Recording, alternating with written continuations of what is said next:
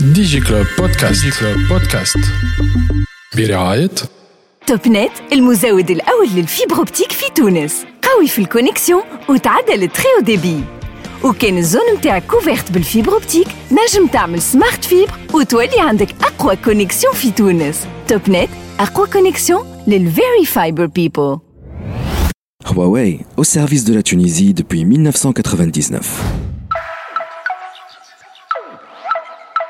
عسلامة مرحبا بكم في دي جي كلوب البرنامج اللي يحكي على اخبار التكنولوجيا ديزولي كان سمعتوا في الصوت نتاعي تبديل شويه على غالب خارج من مرضى سيسر رواحكم من المرض ان شاء الله كل شيء لاباس ان شاء الله تونس لاباس نحن في الحلقه الاخرانيه نتاع 2022 باش نخصوها ا دي سوجي كوميم مهمين برشا اول سوجي هي كومون جيري لو مانجمنت دون ايكيب تكنيك سورتو دو ديفلوبور اي سورتو est-ce que, avec l'intelligence artificielle, le métier de développement informatique, il est menacé هذا باش نحكيو فيه مع سيمال كازدارلي ديريكتور اوبيراسيونيل شي سوفريكوم باش يكون معنا زاد سي ياسين بوقطايا شيف تكنولوجي اوفيسر سي ام بي جي هواوي دونك il est spécialisé dans la télécommunication euh, business باش نحكيو مرة أخرى على الكلاود وي سي encore le cloud mais cette fois-ci le cloud باش نحكيو على le côté euh, cloud edge ou la résistance au changement pour adopter ce nouveau type de, de communication. Donc, c'est quoi le Cloud Edge par ailleurs Et puis, le cloud Huawei, c'est quoi l'avantage par rapport aux autres plateformes de cloud dans le monde ديجي كلوب رجعنا معكم في دي جي كلوب في اخر حلقه من عام 2022 نعرفش انا هو موسم ما عادش نعرف نحسب لكن المهم نجم نقول لكم ميرسي بوكو اللي أنتم قاعدين معنا فيدال قداش من عام وأنتم معنا قاعدين تتفرجوا وتسمعوا توليتوا تتفرجوا مي سورتو تسمعوا فينا آه وكل مرة نحكيو على دي سوجي كونسيرنون لو سيكتور دو لاي تي ديزولي كان صوتي تعب شوية اليوم باع خارج من مرضى كبيرة شوية. إن شاء الله كلكم لاباس وإن شاء الله ديما تونس لاباس. ومعنا ان انفيتي فرحانين برشا اللي هو معنا اليوم هو سي مالك كازدغلي ديريكتور اوبيراسيونيل سوفريكوم أهلا وسهلا بك عسلامة مرحبا بك سيري مرحبا بك أنت زاد اللي جيت بحذانا اليوم. أول مرة تجي بحذانا أول مرة نحكيو على سوفريكوم في دي جي كلوب دونك اليوم باش نحكيو على على سوفريكوم على لي ديفلوبور لو سيكتور تاع السيكتور هذا تاع الديفلوبمون انفورماتيك. بون كلمه كبيره برشا لكن خلينا نقولوا ديفلوبمون انفورماتيك باش نحكيو على لاسبي ماناجيريال تاع كومون جيري اون ايكيب surtout avec ce qui se passe dans le monde en Tunisie la concurrence entre les différentes euh, entreprises في السيكتور نتاع التكنولوجي et surtout باش نحكيو على l'avenir de ce métier là avec l'IA avec l'intelligence artificielle على خاطر في البريود الاخرانيه شنعت على الانترنت grâce ولا à cause de chat GPT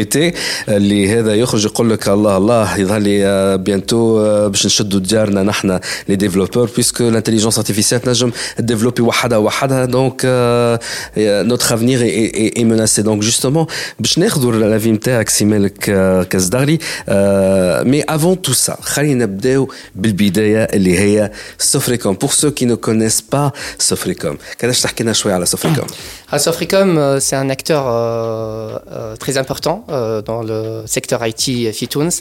on vient de fêter nos 10 ans d'existence en Tunisie et nos 1000 collaborateurs. Donc on a on a une moyenne d'âge de 32 ans, on a une parité homme-femme voilà, exceptionnelle et puis surtout on gère un, un, portefeuille très important de projets du groupe Orange un peu partout dans le monde. Euh, voilà, donc euh, aujourd'hui, Sofrecom, c'est l'une des sociétés les plus connues dans le secteur du développement et de l'IT. Euh. Ce qu'on appelle un ESN, c'est ça? Voilà, voilà ça c'est plutôt une définition un peu française, mais je dirais un acteur IT et sur le domaine, dans le secteur IT et, et, et software qui est en Tunisie. Voilà. Très bien. Donc, un petit directeur opérationnel Sofrecom. Je suis directeur opérationnel. Alors, bah, tout simplement, euh, je gère des équipes, des équipes de développement essentiellement. Des, euh, donc, on a, euh, j'ai des équipes qui travaillent pour pour le, pour Orange, pour Orange France notamment, dans le, le cas de, de, de la direction que je gère, avec des équipes projets, des équipes également transverses, d'architectes, de référents, de coach AJ. Voilà, c'est aussi simple que ça. D'accord, très bien. Ben, انت كان معنا اليوم على خاطر باش نحكيو جوستومون دان بوين دو فيو ماناجر شي سوفريكوم كومون اون بو جيري دي ايكيب تاع ديفلوبور على خاطر ساعات يجوني عباد يقول الراتسه هذايا كيفاش نتعامل معاها بون سي فري كو تظهر تخش عليها ان بو دو لا فولغاريتي نو سي با فولغار مي سي دير كو فما دي, دي, دي ماناجور اي دي ديريكتور كي بونس انهم سي سي سي جون لا كي ترافاي دون لو سيكتور ما همش فليكسيبل برشا مش متعاونين برشا يا اي هي لا فماش زون غريز il n'excelle pas dans l'art de la négociation et donc تحسهم فما برشا يقول لك هل لي زانجينيور هذوما ياسر صعاب كيفاش نجم تجاريهم با جوستومون خلينا نسالوك كيفاش نجموا نجاريو سي زانجينيور لا لكن قبل ما نبداو نحكيو على الموضوع هذايا دان بوان فيو ماناجر دونك خلينا نحكيو على لو ديفلوبور جوستومون d'un point de vue recrutement كيفاش chez Sofrecom, ces, ces, ces, ces ingénieurs que vous recrutez, يجيكم يكون انتم يتجراو ما يمشيوش عند عند الاخرين خاطر اون لو سي تري بيان فما كونكورونس كبيره ياسر دو لا بار دي دي زوتر انتربريز اي بورتون نلقاو اللي برشا يمشيو يتجراو لسوفريكوم سي كوا لا روسيت Tout d'abord, j'ai parlé euh, euh, d'ingénieurs en général, parce que nous avons des développeurs, il y a plusieurs métiers dans, le développement. Il y a les qualifieurs, les développeurs, les intégrateurs, les architectes, euh, les product owners. Donc, je risque, quand je parle de développeurs ou je parle d'ingénieurs, généralement, je peux parler de ces métiers-là. Et voilà, pour ne pas, pour être vraiment aussi, euh, euh, je peux pas être exhaustif et parler de tous mes, les métiers, mais à Sofricom, nous avons pratiquement un spectre très large des métiers euh, de, du développement informatique. Ça, c'est le premier point. Le deuxième, aujourd'hui, euh, à Sofrecom, euh, l'avantage qu'on a, on a une bonne réputation sur le marché et n'est pas venu un peu de, enfin, comme ça, parce que on sait qu'un développeur quand il va rejoindre ou un qualifieur, un ingénieur quand il va rejoindre un développeur, quand il va rejoindre Sofrecom, il va bénéficier de d'un accompagnement, d'une intégration. Donc on, fait, on donne beaucoup d'importance à l'intégration dès le premier jour, euh, à l'accompagnement du, du, collaborateur. Euh, Donc en fait, également, lorsque vous le recrutez, voilà. ما يبداش ديريكت الخدمه ساعه تقول له مرحبا بك اجا خلينا نعرفوك Voilà, exactement. Il y a des formations euh, qu'on fait d'intégration qui permettent, euh, qui le permettent, puis يعرف l'écosystème, يعرف les, les projets, outils, les, membres, les outils, les process. Donc ça, c'est un élément très important. Euh, il y a également, euh, il y a une vie d'entreprise qui est très riche. Euh, il y, a, y a un équilibre تعرف نحكي برشا على work life balance توا surtout la génération Z elle est très très sensible à ce point là d'avoir justement حبيت نسالك خاطر اكيد فما لا نوفيل جينيراسيون دايوغ عملنا حلقه على جينيراسيون زد اي سيت جينيراسيون تيك توك تنجموا تعاودوا تسمعوها حبيت نعرف اسكو déjà fait les formations اللي تعملوا فيهم تاع l'onboarding هذايا قلنا donc c'est un onboarding technique باش تعرف البروسيس باش تعرف les outils de travail وزاد باش تتعرف على العباد جو سوبوز اللي يخدموا غاديك او اللي يارشي وكيفاش تتعامل معاهم دونك اسكو فما فولي سوفت سكيلز في في الاونبوردينغ مش كان في الاونبوردينغ ان فيت لو فولي سوفت سكيلز باش يقعد ديما معاك انت اليوم تجي كولابوراتور سوفريكام تري بيان نبدا ساعه في الاونبوردينغ في البدايه فوالا الاونبوردينغ لوبجيكتيف نتاعو ديجا سي دانترودوير لو كولابوراتور à l'écosystème et euh, à l'écosystème de Sofrecom, d'Orange également, parce que nous, on fait partie d'un groupe et on bénéficie de, de l'expertise du groupe Orange et, euh, et, de mettre un peu le, le, le collaborateur, l'ingénieur dans le bain. Ensuite, il y a un accompagnement qui se fait. Et dans cet accompagnement-là, il y a des formations, que ce soit techniques ou euh, tout au long de la skills, route. tout au long de la route. On a un énorme budget de formation. Et euh, les dernières années, nous avons mis, mis le focus que ce soit sur les formations techniques, parce que c'est un peu notre, c'est, notre métier. Normal. Voilà, c'est normal, c'est notre métier. Technologie, hein. Mais surtout sur les formations soft skills. Et j'ai remarqué qu'il y a un intérêt très important que portent aujourd'hui les nouvelles recrues à ce type de formation. Les formations en communication, en technique de négociation, tu as parlé de négociation, en technique de négociation, en public speaking également. Et à ce fréquent, on donne beaucoup d'importance à ce type de, donc, de formation-là. Donc, il parle, il communique, et bien écrire un email, bien écrire un rapport, parler en français, en bon accord ah, je pense français. que voilà, euh, déjà, hein, il y a un niveau. Donc, euh, généralement, c'est des, personnes qui savent parler, euh, qui, qui, on sait ont fait leurs bien, études. Moi, je fais ma discussion entre voilà, exactement. avec un client. Donc, il y a un apprentissage qui se fait en cours de route. Liu Martelli, Totrelen, Furs, équipe il y a un apprentissage qui se fait euh, par, par la pratique ça. et puis il y a les formations qu'on essaie de voir avec le collaborateur شنو هو الاكس اللي يحب يخدم عليه ما نجم نقول لك انت اليوم وليد دخلت تخدم معنا جديد شنو l'axe on a un catalogue de formation de soft skills et euh, avec ton, ton manager, tu vas, tu vas voir quelle formation elle est plus adéquate, plus adéquate, peut, euh, adéquate peut-être. Euh, public speaking, prise de parole en public, parce que voilà, tu penses que voilà, tu veux faire des présentations, tu es un peu timide, donc euh, voilà, c'est pas hmm. ton cas, mais ah, c'est bon. non, ça c'est intéressant. mais, mais justement, تعرف علاش خاطر برشا راهو من les ingénieurs et, et, et parfois il y a des managers يجيوني معناها مش بصريح العباره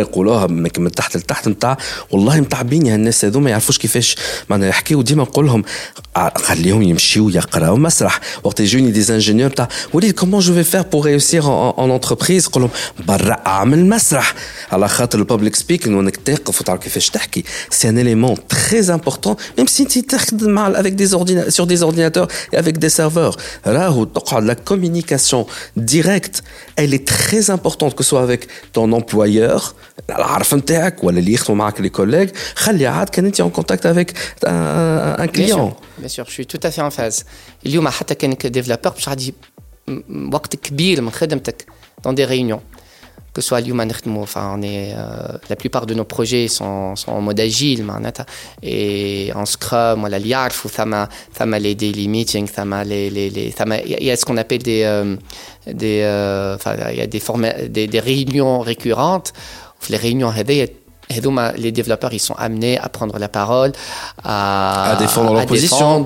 on fait des rétrospectives, on fait beaucoup de rétrospectives. Les rétrospectives, c'est ça, c'est une réunion magnifique où tout le monde va dire voilà, va revenir à une, certaine période du projet, deux, trois semaines, quatre semaines, et euh, on va dire qu'est-ce qui a marché, qu'est-ce qui n'a pas marché. Et donc là, on a besoin de, prendre la parole. les ingénieurs et euh, voilà, ce, ce, problème entre guillemets de, communication. Ça, tout d'abord, il faut, voir que depuis euh, les études internes, on n'a pas ben, même les lycées, les, les facultés, on n'a pas mis l'accent les, les, cet aspect soft skills. Euh, le maths ou le physique ou sciences qu'on hein, voilà. Après, euh, après euh, on, peut, on, peut, voilà, on peut, entre parenthèses, rater les autres matières. Ce qui est en train de changer avec les, nouvelles générations. Donc, euh, euh, voilà, je disais que déjà, il faut être indulgent avec cette génération-là c'est une, génération qui veut apprendre, qui est sensible. Cette génération Z. Z, et même avec les autres générations. Je, je, voilà, je suis pas très convaincu du cap euh, générationnel. Je vois qu'il y, y, a une évolution, qu'il y a un changement qui est naturel. انا بالعربي الجدد هذوما ايزون توندونس باش يفهموا لك تقول لهم بابليك سبيكينغ اتسيتيرا سوفت سكيلز يقول لك وين نحب نتعلم ولا يقول لك تعطي pas forcément c'est parce que c'est parce que j'ai dit j'ai dit que ils ont peut-être la chance d'avoir plus d'activités dans leur euh, université dans leur faculté euh, d'être né dans une époque qui c'est un peu l'âge de la communication l'âge de l'humain il suffit de au téléphone ويعرف يحكي يولي يولي influenceur donc ils connaissent l'importance de, de, la communication. Mais je pense que aujourd'hui, il y a une prise de conscience hein, des ingénieurs de l'importance des soft skills, mais euh, également l'entreprise a une responsabilité. D'accord. Je ne du discours de dire euh, les ingénieurs ou les ingénieurs, oui, mais qu'est-ce que tu as fait en tant qu'entreprise? C'est vrai, l'ingénieur, il a quitté la faculté euh, à, 23, ou à 24, ou à 25 ans. Après, l'entreprise également, c'est une seconde euh, école. Et donc, il y a une responsabilité de l'entreprise d'accompagner nos ingénieurs et voilà, c'est ce qu'on essaie de, de faire. Le process, on a Voilà, exactement. Du moins, on exactement. exactement. Voilà. Voilà, voilà j'ai eu avant de Kadesh Sofricom, Hata budget, mais je mais c'est un énorme budget, Hata Touala, la formation continue des employés, entre Touala soft skills. Ou d'ailleurs, il y les femmes à des cours Hata en ligne, qui sont disponibles gratuitement pour les اللي يخدموا في في في Sofricom. Oui, on offre la possibilité de, de suivre des MOOC en ligne. Euh, et ça, c'est une, une, grosse. Alors, c'est l'un des avantages également de faire partie d'un groupe comme le groupe Orange. Que, voilà, ça, on permet de ça nous permet de bénéficier d'initiatives comme celle-là. Euh, donc, on a un catalogue euh, très important de, de, cours en ligne, de MOOC. Et euh, voilà, ce qu'on essaie de faire, c'est vraiment donner la possibilité aux collaborateurs d'apprendre, d'évoluer. Mais euh, si j'ai un message à passer ici, c'est que l'apprentissage doit euh, essentiellement être une motivation intrinsèque. Je Yuma, le métier du développeur. Je pense que c'est l'un des développeurs. Encore, quand je dis développeur, je parle des qualifieurs, des ingénieurs, voilà, de tous ceux qui travaillent dans, ce, dans, le, métier de, de l'ingénierie logicielle. Voilà, que ce soit des PO, des Scrum Masters, des analystes fonctionnels, des qualifieurs, des intégrateurs, etc. Quand on est dans ce métier-là, c'est un très beau métier c'est un très beau, métier euh, c'est une chance, je pense, que d'être euh, voilà, sur ce métier-là aujourd'hui en 2022. Euh, c'est un métier que j'adore personnellement. Je suis manager, mais je quand tu es voilà. toi les managers, en fait, ninjit, Ben, j'étais l'ingénierie logicielle. J'ai eu mon diplôme l'INSAT en génie logiciel en 2008 et puis euh, j'ai commencé euh, au début une carrière technique. Donc euh, quand voilà. tu développes voilà quand tu développes puis euh, administration système voilà j'ai touché à beaucoup d'aspects de, de l'IT et euh, je porte encore cette cette justement هكا انت وصلت لتوا تبارك الله وليت مانجر وماذا بيا نشوف الباركور نتاعك فاش خلطت له المانجر هذا وشنو هما لي تشالنج اللي تعرضوا لي مانجر اما حاب نكمل encore avec les employés celui qui معناها décide d'aller postuler chez Sofrecom ou يطلع البروفيل نتاعو باهي وسوفريكوم l'accepte donc on a vu qu'il y a beaucoup d'avantages انه déjà باش يتعلم برشا حاجات notamment في السوفت سكيلز اللي هي حاجه qui fait défaut à beaucoup d'ingénieurs عندهم مشكله هالاتصال هذايا donc مع سوفريكوم يتعلموا déjà عندهم des cours en ligne gratuits beaucoup beaucoup beaucoup d'avantages ولكن نحب نسالك بارابور ا دي دي بروفيل اللي هما يخموا على انه به ما لا نمشي لسوفريكوم جوست باش نتعلم بور تروفي كيك شوز دو ميو ايور شنو تنجم تجاوبهم الناس هذوما باش نكمل نفس الريفليكسيون تاعي وقت اللي قلت سي ان بو ميتيي سا سي اون فاس de la médaille. L'autre face, c'est un métier qui est très challengeant. علاش très challengeant خاطر اليوم اذا كان انت تكون تخدم في لو ميتي دو لاي تي وتلقط حتى شويه هكا ستة شهور تفيق باش تلقى باش تلقى الدنيا تبدلت حكيت على تشات جي بي تي قبيله تشات جي بي تي سي quelques jours quelques jours les changements les avancements technologiques qui sont énormes et quand tu es dans l'IT وقت الواحد يخدم يكون développeur ولا qualifieur il, il a l'obligation il est tenu d'apprendre tous les jours tous les jours et donc d'un côté c'est un métier qui est très gratifiant sur tous les plans. Hein. Et d'un autre euh, côté, c'est un métier qui est très challengeant. Pour revenir à ta question, mhm. quelqu'un qui va intégrer Sofrecom et qui rate l'occasion aujourd'hui de profiter de tout ce qu'offre Sofrecom pour apprendre, pour évoluer, pour améliorer ses compétences, je pense qu'il va passer à côté d'une opportunité très, très, très importante. Liu, ma fille Sofrecom, par exemple, Anne a tout un programme euh, pour améliorer la qualité euh, de nos livrables, la qualité de code, l'excellence technique, qui s'appelle, euh, voilà, ce qu'on appelle, le jargon le software craftsmanship, qu'on est en train de faire avec nos, nos, nos collègues en, à Orange France. Mais c'est un programme où on va pratiquement dire aux, à nos collaborateurs, on va vous aider à être mieux dans ce que vous faites. Bien sûr, l'entreprise est gagnante parce que tout ça, on aura de meilleurs livrables, on, aura une meilleure qualité de code, mais en même temps, on va accompagner euh, nos, collaborateurs à devenir de meilleurs développeurs, à améliorer leurs compétences. Et donc aujourd'hui, chaque collaborateur, il a un choix. Soit de dire, voilà, je fais, euh, c'est un parcours, je fais, voilà, je fais quelques, quelques années. Voilà, c'est vraiment, pour moi, c'est une transition. Ou bien de dire, je vais profiter à fond de ce que de ce qu'offre aujourd'hui euh, l'entreprise. Et encore plus important, je peux évoluer dans cette entreprise-là. Parce que on a un marché d'emploi interne on encourage la mobilité et donc tu peux changer de, tu peux évoluer, tu peux changer de, de poste, tu peux évoluer au sein de l'entreprise. Moi aussi, j'ai évolué au sein de l'entreprise. Donc, euh, je suis directeur depuis février, mais avant, j'étais manager. Donc, donc, il y a des possibilités d'évolution au sein de, de Sofrecom. Et euh, que ce soit d'évolution technique, d'apprentissage, euh, euh d'évolution dans la carrière voilà, c'est un choix, je pense, que le collaborateur doit faire. Nous sommes là en tant que manager, d'accompagner ces, collaborateurs-là pour leur dire, voilà, ça dépend de vous, de votre conviction. Je peux reformuler. Voilà. En d'autres termes. Hmm. En d'autres termes.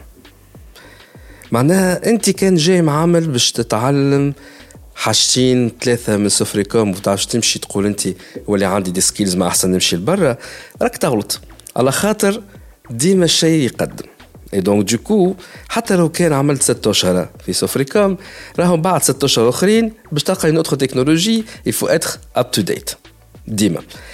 Qu'il en soit c'est pas un seul corps de métier il y a plusieurs départements plusieurs métiers. Et donc التعلم نتاعك ما يوفاش فوالا. اون بو دير سا اي دونك دو كو كيما تعتبر روحك في في اليونيفرسيتي اللي قاعد قداش من عام وانت تتعلم راهو سا كونتينيو شي سوفريكوم افيك لافونتاج ديتر بايي أو موان حاجة بوزيتيف هذايا.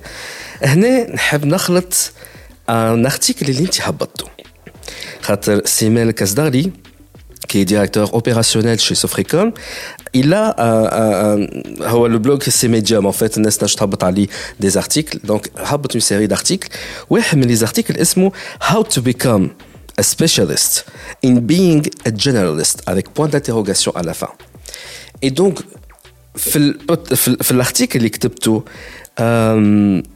فما خلينا نقولوا دو تشالنج لو تشالنج الاولاني c'est que tu dois être bon dans ce que tu fais et donc tu vas te spécialiser لكن en même temps l'industrie en sous-entendu معناها l'entreprise طالبه منك انه تابع l'excellence نتاعك انك تبدا ماس برشا دوتر دومين دوتر تكنولوجي فاهمها تبدا عارفهم اي دونك دو كو اللي الانجينيور باش يقول لك spécialisé et j'étais recruté pour ça. Et en même temps, je dois apprendre d'autres technologies.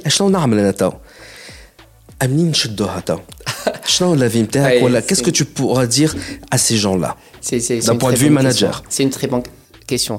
C'est vrai, c'est un vrai challenge, Lyoum. Euh, on euh, on nous demande d'être euh, très spécialisé dans ce qu'on fait. La concurrence, elle est très rude, très importante. Euh, au final, sur le وقت كنشوف قداش معناتها les technologies اللي موجودين et l'évolution c'est énorme. كان تاخذ انت métier نتاع développeur هكا قبل développeur il est tenu de connaître un ou deux langages de programmation يعرف l'environnement نتاعو وكا et ça s'arrête là. اليوم un développeur يلزمو déjà يعرف مش كان on parle plus de langage de programmation on parle de technologie de framework donc déjà, il doit maîtriser euh, au moins 2-3 frameworks. Umbad, il doit connaître euh, l'environnement, les hubs d'exécution, les clouds. On parle de cloud native applications. Umbad, il doit euh, tout ce qui est DevOps, CICD, euh, il doit connaître un peu ZDA sur la, la, partie data, avoir une idée sur ça, la sécurité qui est très importante. Euh, on lui demande également de, d'être bon en agilité, de, de savoir parler avec, avec les gens du, du métier. Donc, le spectre des connaissances qu'on demande à un ingénieur, voilà, un manager, là, voilà, à chaque personne qui travaille. Un manager, voilà, bien sûr. Il est très large, il est très large. Euh, et, l'article, l'idée de l'article, c'est comment être spécialiste dans le fait d'être généraliste. Comment être un bon généraliste tout en ayant sa spécialité. Et ça, c'est une question que, que j'ai creusée parce que je m'intéressais à cette question-là. Moi, à un certain moment, je gérais euh, une cinquantaine de développeurs qui travaillaient sur différentes euh, technologies et je devais avoir le minimum syndical. Alors, tout d'abord, je pense que la première euh, recommandation que je peux faire, c'est qu'il faut être curieux. Il faut être, faut être curieux. Je vais faire un petit hommage à un enseignant à l'école Flinsat, c'est Mohamed Rambani. Euh, voilà, Inch'Allah, يسمع فينا سي محمد رمضاني من الحاجات اللي علمها لنا في الانسات دول اللي يقراوا عنده زاد يعرفوا انه وقت اللي من ملي احنا نقراو لازم تكون عندك اون كولتور un recul, les amis, une culture, une culture dans ton domaine. Il suffit pas de connaître ce que tu fais directement, mais euh, تقرا دي دي دي, دي بلوك تقرا دي زارتيكل تشوف شكون هم لي انفلونسور في الدومين نتاعك شكون العباد اللي قاعدين يحكيو تويتر مثلا سي سا ديبون تويتر افون ايلون ماسك ولا بعد ايلون ماسك قبل توا قاعد يولي في حاجه اخرى فوالا خاطر سا ديبون خلينا نقول لينكدين لينكدين مرجع مرجع يسمع من تويتر Voilà. Euh, donc LinkedIn, c'est une source d'information. Avoir des personnes qu'on suit, des, des, il, y a, y a des leaders dans le, le, domaine, déjà il faut avoir cette culture-là, être curieux et avoir une culture. En fait, l'astuce, elle est très simple. Aujourd'hui, il faut identifier le domaine de spécialité. Quand un développeur full stack, je fais du Hajj technique, mais ça, les développeurs. Vas-y, vas-y, vas-y. Spring Boot, Angular, je dois être bon en Java, en Spring Boot et en Angular. Il n'y a pas photo. Euh, là, je dois être très bon sur ce que je fais. Par contre, اذا كان نسمع بالكلاود وحتى كان البروجي نتاعي ما فيش كلاود اليوم اليوم سي تري فاسيل دالي سور AWS ou à la Google Cloud et de faire une petite formation et de faire un Hello World, de faire, euh, de, de, de, faire juste une formation sur les basiques. Et là, il suffit de faire une formation sur chaque, euh, dans chaque domaine pour avoir une idée et démystifier ce domaine-là. مش معناتها باش تولي اكسبير فيه مي فريمون لو ديميستيفيه فما حاجه اخرى زاده كي تري امبورطونت وجينيرالمون ما نحكيوش عليها برشا اليوم الكتب اي بان وي الكتب الكتب مصغر يقول لك لازمك تقرا كتب وتقرا اي بان ميم في الاي تي اللي انترنت معبيه بلي زارتيكل lire des livres, c'est très important, ça reste très important. Parce que les articles, c'est des pointeurs. Je me marque le choix à la technologie de manière un peu superficielle. tu peux lire 1000 articles euh, sur, euh, sur une technologie, mais euh, ça pas, ce n'est pas l'équivalent de lire un livre cover to cover. C'est prendre un livre, parce que le livre, c'est vraiment l'essence d'une expérience. Et moi, je dis, il suffit de lire parfois un seul livre dans un domaine pour comprendre euh, ce domaine-là. J'ai un ami qui dit au moins les trois premiers chapitres parce que les trois premiers chapitres, ils donnent généralement l'idée globale même si on n'arrive pas à lire tout le livre. Donc être curieux, avoir une culture, euh, utiliser les réseaux sociaux à bon escient. En d'autres termes, tu es de la voilà. spécialiste dans le domaine Exactement. Mais avoir, exactement, avoir une culture large, c'est très important. Et euh, mais c'est important, mais c'est difficile encore. Euh, là où il faut qu'on soit euh, un, réaliste, ça demande beaucoup de temps, beaucoup d'énergie, beaucoup d'efforts. Beaucoup de volonté. Et beaucoup de volonté. Bah voilà. voilà. Eliardo, un manager, lorsqu'on va gérer une équipe de développeurs, euh, vous êtes, quels sont les conseils qu'on pourrait donner à des étudiants? À des étudiants euh, ou des, des ingénieurs à Sofrecom, sont les petits conseils pour qu'ils réussissent leur, euh, leur carrière professionnelle. Déjà l'embauche, carrière professionnelle, ou des, euh, des managers, mais des la pause, on tout de suite. DigiClub. TopNet, quoi Connexion, les Very Fiber People.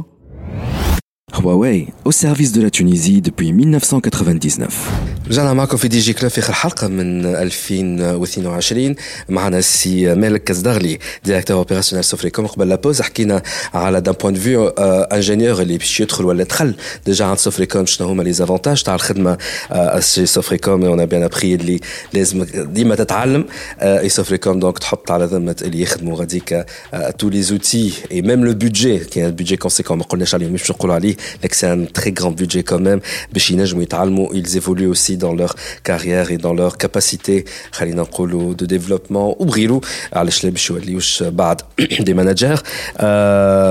وزاد قبل la pause حكينا على شنو هما qu'est-ce qu'il faut faire pour être un bon élément dans l'industrie هذايا et donc حكينا قلنا en gros لازم تشد العصا من الوسط لازم يكون عندك une culture générale في السيكتور نتاعك ce que tu maîtrises tu maîtrises ça c'est très bien mais il faut avoir aussi une culture générale على les les autres technologies qui sont en cours pour bien réussir وقلنا خلينا نسألوا سؤال بعد البوز à propos de ceux qui nous écoutent qui sont des étudiants خاطر يسمعوا فينا برشا des étudiants يقراو dans les filières euh, IT انت comme professionnel euh, ou manager donc تجري في برشا des profils شنو هما les trois conseils en or تنجم تعطيهم للناس هذوما اللي يسمعوا فينا pour réussir leur carrière dans l'IT que ce soit chez Sofrecom ou ailleurs. D'ailleurs, pour faciliter leur embauche, chez Sofrecom. Les trois conseils en or. Trois conseils en or. Ben, le premier, euh, encore une fois, la curiosité. La curiosité, euh, ben, c'est un conseil à tout le monde, mais surtout aux, étudiants. Il faut être curieux, il faut lire, il faut profiter euh, de, de, tout, ben, tout ce qu'on a. Lyuma, انا ما نحبش برشا كلمه جينيراسيون تيك توك خاطر خاطر زاد في نفس الوقت جينيراسيون لينكدين خاطر لها جينيراسيون كورسيرا خاطر لها جينيراسيون ايديكس نقول فما لا جينيراسيون تيك توك وحدها لا جينيراسيون الاخرين لا جينيراسيون القديمه شو ديزولي ارجعوا اسمعوا ليبيزود نتاع تيك توك vous allez comprendre انا نعتبره il y a une cassure carrément générationnelle mais ça veut pas dire elle est القدم راهم خايبين ولا جدد راهم خايبين mais c'est un autre mindset donc اسمعوا مليح les conseils ce que je veux dire Houni c'est qu'il faut profiter de tous les contenus عندنا الكونتوني الكل اليوم في الانترنت كيتحل تلقى كل شيء اي دايوغ تنجم تليني حتى لي الجوريثم كان عندك مثلا يوتيوب شورتس ما عنديش تيك توك مي نستعمل شويه يوتيوب شورتس يسوفي دو دو دو لونتريني شويه باش يخرج لك الكونتوني اللي تحب عليه اليوم on peut avoir tout le contenu qu'on qu'on veut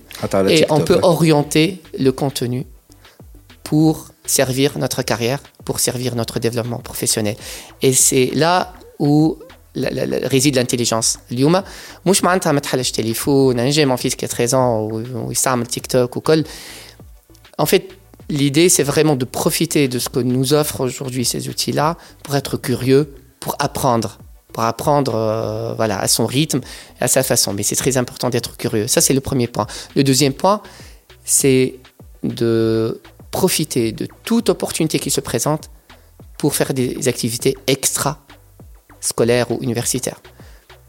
N'importe quoi. Des, des, des, hackathons, des clubs. Euh, euh, voilà, il faut cracher sur rien. Euh, et là, l'importance les événements que ce soit tout le tout le haka حتى membre organisateur في association باش تنظم حكايه باش عنده séminaire l'important c'est ça c'est pas le séminaire lui-même mais tout ce qu'on apprend dans ces événements. Ça, c'est très important. Et ça, ça permet, ça facilite énormément l'intégration euh, en, en, entreprise.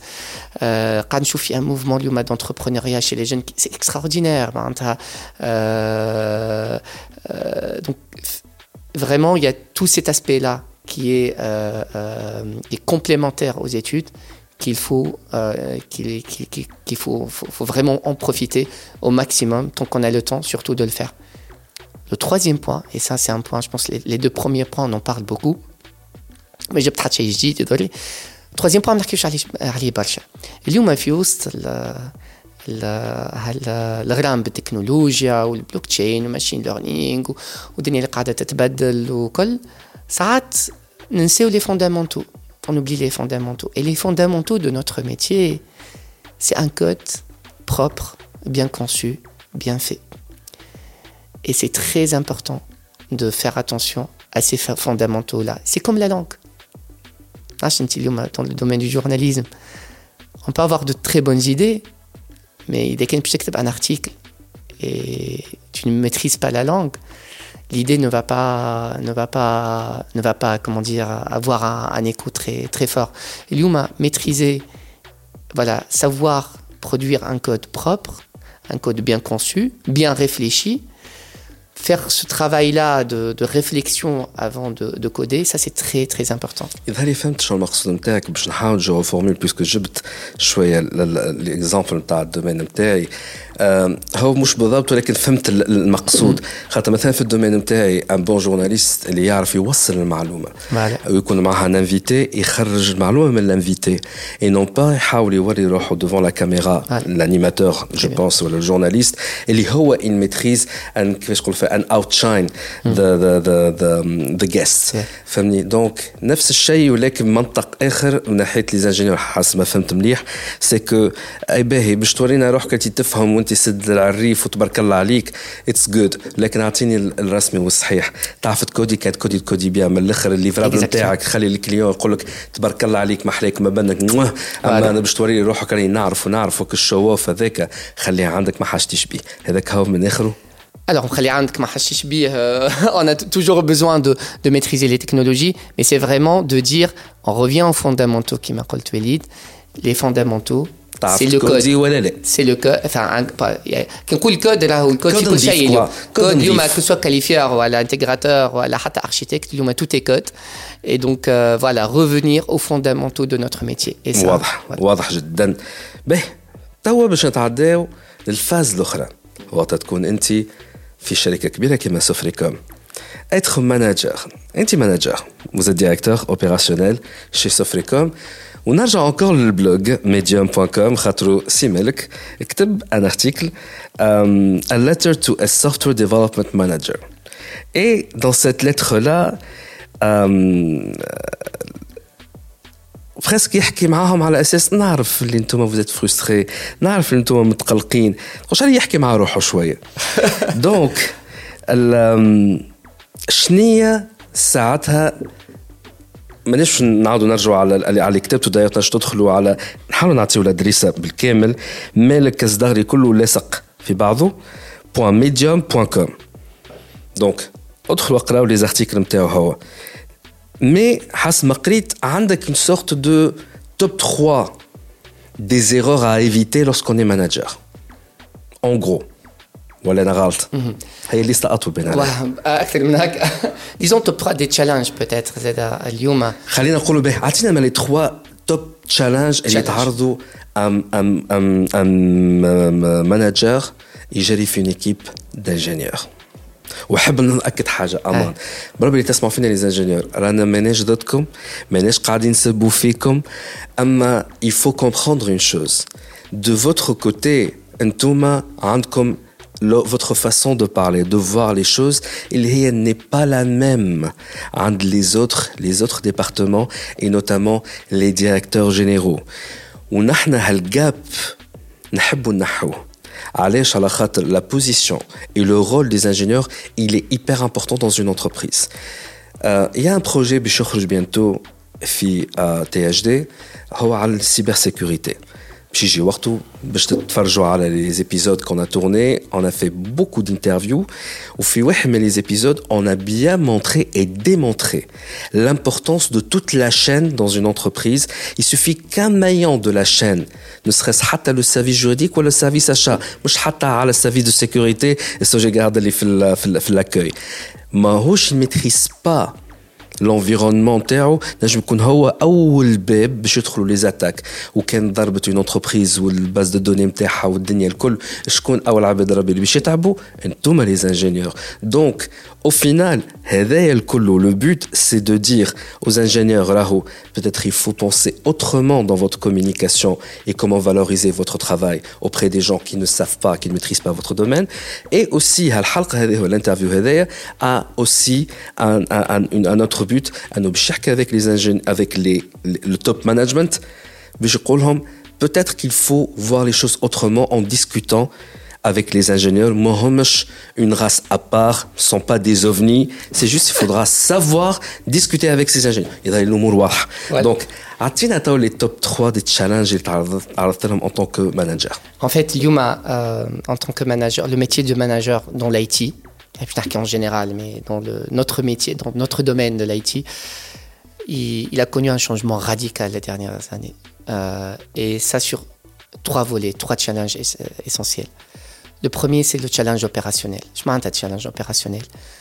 Lyuma, le manager, il est responsable sur, il a, une responsabilité de delivery, mais il a une responsabilité de, de delivery dans un monde qui bouge, euh, dans un contexte agile, euh, avec des euh, time to market qui sont qui deviennent de plus en plus réduits, avec des exigences encore plus fortes.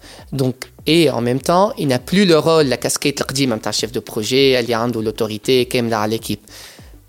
Mais je trouve le chef l'agilité Scrum, on sait que Scrum, il y a, a, pas, a pas cette notion de chefferie de projet. Et un manager d'une ou plusieurs équipes Scrum n'est pas le chef de projet classique. Mais par contre, en même temps, il est responsable sur, sur la, la, la, delivery et sur la qualité de, de.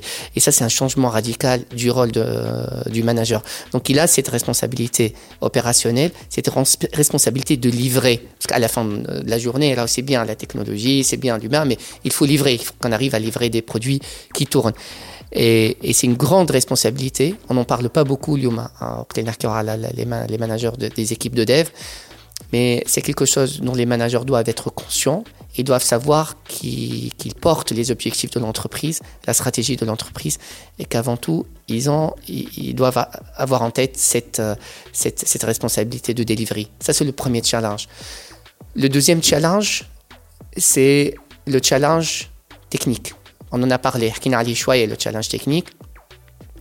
Et euh, le challenge technique, il est encore حكينا شويه pour les, les, les développeurs qu'on a développeur اليوم يلزم يعرف السبيساليتي نتاعو ويعرف برشا حاجات اخرين باهي كي نجيو توا للماناجر تاع équipe de développement il y a un grand débat اليوم في l'industrie qui dit est-ce que le manager doit être techniquement excellent ou elle est est-ce qu'il doit savoir coder ou elle est et il y a des personnes qui, qui disent que يلزمو يعرف يكودي مش vraiment ça c'est une exigence c'est une condition sine qua non il y a un autre volet qui dit non بالعكس manager يعرف يكودي c'est un danger pour l'équipe. خاطر باش يولي ينسى الرول نتاعو نتاع المانجمنت ويمشي يتلهي يولي هو الإكسبير وبعده اسمع أنا نوريكم كيفاش تعمل. جوستومون جوستومون مالك والله في البوان هذايا أنت كتبت عليه ان بلوج enfin un article d'accord Should engineering managers be technically excellent? Et là, جبت على ايلون ماسك شكون ما يعرفوش ايلون ماسك اللي هو خرج خرج ان تويت اللي قال فيه انه ان بون مانجر سي ان بون تكنيكال عنده تكنيكال اكسلنسي خلينا نقولوا في الكاباسيتي نتاعو هو في في الخدمه نتاعو هو Or, femme, je connais que non, euh, plutôt un bon manager, c'est plutôt un, un bon sens de l'écoute, euh, il a qui fait chiger l'équipe interne et donc le côté sentimental, psychologique, et donc il y a eu ce grand débat euh, en ligne. لكن انا ما عرفتش انت وين نقرا في, في الارتيكل نتاعك le pose j'ai posé des questions j'ai posé des questions j'ai pas apporté de réponse après il y a eu des discussions حتى على LinkedIn alors là مش تحكي تاع على l'aspect uh, people management خلينا كاين في technique في technique mon avis il est, très simple اليوم en tant que manager dans le domaine technique il y a une obligation de connaître le domaine technique dans lequel on est en train de travailler Je معناتها كان كنت اليوم عندك تمانجي في équipe اللي تخدم في développement d'applications web avec une technologie XY. لازمك تعرف comment on développe une application web avec ces technologies-là. مش معناتها تولي expert فيها. Il suffit de faire une formation ça, de 2-3 jours ou à la, euh, mettre quelques heures pour faire de, une petite application très simple pour savoir comment ça se passe. Ok Mais مش معناتها راك باش تولي باش تولي باش تولي un expert. Allez, c'est important. Parce qu'on ne peut pas gérer une équipe technique si on ne connaît pas le quotidien du développeur. كان ما نعرفوش développeur كيفاش قاعد يعيش شنو ما شنو ما les outils اللي يخدم بهم شنو هي الكوتيديان نتاعو شنو تشبه التكنو هادي c'est important d'avoir un sens يقول un sens de la technologie مش معناتها une maîtrise totale de la technologie. Maîtriser si la personne par hasard elle maîtrise c'est voilà euh, ok on peut pas dire que c'est la personne elle maîtrise elle sera pas un bon manager. Non pas du tout. Par contre c'est important d'avoir cette, cette, connaissance de base. Et, euh, et c'est cette connaissance de base qui va permettre au manager d'accompagner leurs euh, les collaborateurs كان انت غدوه يجي collaborateur باش يحكي معاك على l'évolution de carrière نتاعو وانت اصلا ماكش فاهم الدومين اللي يخدم فيه وما تعرفش شنو هما لي لي لي زيفوليسيون اللي موجودين ولا شنو هما لي نوفوتي في الميتي نتاعو ولا ولا وين ماشي الميتي comment tu peux l'orienter ça c'est d'une part d'autre part il faut éviter également la situation où le manager se pose comme expert. Parce que il peut être expert dans une technologie, mais demain, tu as une autre euh, équipe qui est sur une technologie totalement différente. Qu'est-ce que tu vas faire? Donc l'idée, pour moi, si je reviens encore à cette notion d'être un bon généraliste, d'être un spécialiste dans le fait d'être généraliste. Et un bon manager, c'est un bon généraliste, c'est un très bon généraliste. C'est quelqu'un qui sait, qui sait changer de contexte, Rodwa اليوم يخدم في développement d'applications web Rodwa نعطيه un projet machine learning مش هو اللي expert machine learning ولا IA mais il va faire l'effort quand même de comprendre euh, le machine learning de comprendre l'IA et de savoir de quoi il s'agit pour pouvoir gérer une équipe ولكن سي مالك زدالي نذكر انت ديريكتور اوبيراسيونيل شي سوفريكوم وتجري قداش من عبد 50 هكاك اكثر اقل ليكيب اكثر من 100 اكثر من 100 ولكن هنا سي جو كومبرون بيان معناها et je, suis d'accord avec vous. Nous يكون عندك une connaissance technique ماهيش peut-être approfondie كيما les, les, les collaborateurs نتاعك اللي اللي تشابوتيهم ولكن عارف بلوز او موان باش تنجم هكاك تعرف تحكي معاهم تكنيكمون على خاطر ان ماناجر يجير نوتامون دي فرستراسيون اي دونك فما لو كوتي فرستراسيون تاع الكارير نتاعي واقفه نحب نتعلم حاجه اخرى والا جي ان بروبليم سور سيت تكنيك لا جي نابورت كوا اي مون كو ايكيبي ولا ريست دو ليكيب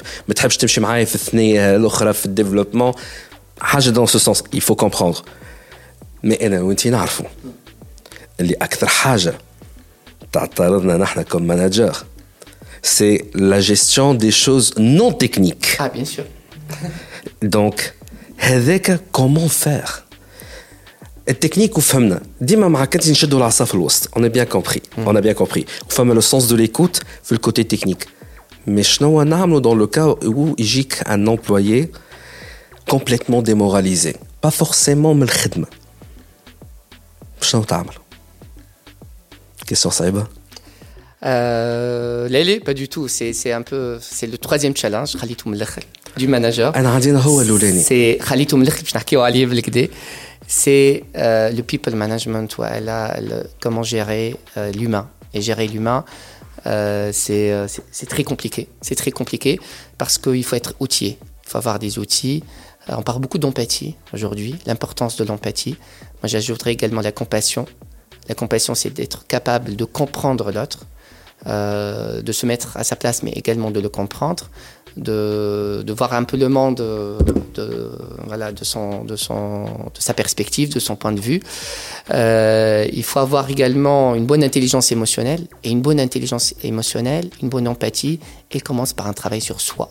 Un manager qui travaille pas sur soi, qui ne sait pas gérer ses émotions, qui ne sait pas faire un travail euh, سور سوا قبيله قبل ما نحكي حكينا شوية على المايندفولنس اون اوف قبل ما نبداو نسجلوا هو بدا يحاول في التليفون نتاعو باش يحطه مود سيلونسيو يا أخي جرب لو مود مايندفولنس قلت له يا أخي تعمل في الميديتاسيون خاطر نعرف من الجموع هذوما. تاع الميديتاسيون قال لي نعمل في الميديتاسيون لو سوار قلت له مرحبا بك بيانفوني أو كلوب على خاطر ابارامون سي ان بوان كومان عند برشا دي ماناجر اللي هو نتاع تلمون تلم الانرجي نتاع لي كولابوراتور نتاعك لازمك في آخر النهار. Tu la transformes cette énergie-là d'une façon ou d'une autre, et donc, femme à la partie méditation. Vas-y. Voilà, donc, c'est ce que je disais, il y a un travail sur soi qui est très important qu'il faut faire, euh, parce qu'on peut pas, on peut pas être à l'écoute, on peut pas être, euh, euh, fournir un support émotionnel, psychologique aux collaborateurs si nous-mêmes, on n'arrive pas à gérer nos émotions et à gérer nos états d'âme, parce que on passe par les managers, enfin, au donc c'est des êtres humains qui, qui, ont besoin parfois de support, Z. Donc, c'est, ce travail sur soi, il est très important. Et, euh, et j'encourage tous les managers à, aller, enfin, il y a, la, méditation, les techniques de mindfulness sur Internet. Il y a, plein d'articles, il y a plein de cours qui, euh, qui aident à mieux se connaître, à mieux se connecter avec soi-même. Parce que c'est là c'est la base هذيك الفاونديشن اللي باش نخرجوا منها باش نجموا تساعد لي كولابوراتور نكونوا vraiment à l'écoute نكونوا empathiques نكونوا euh, voilà ça c'est le, le premier point le deuxième point c'est c'est de comprendre les sources de la motivation je معناتها il y a deux types de motivation. Il y a la motivation extrinsèque et il y a la motivation intrinsèque. La motivation extrinsèque,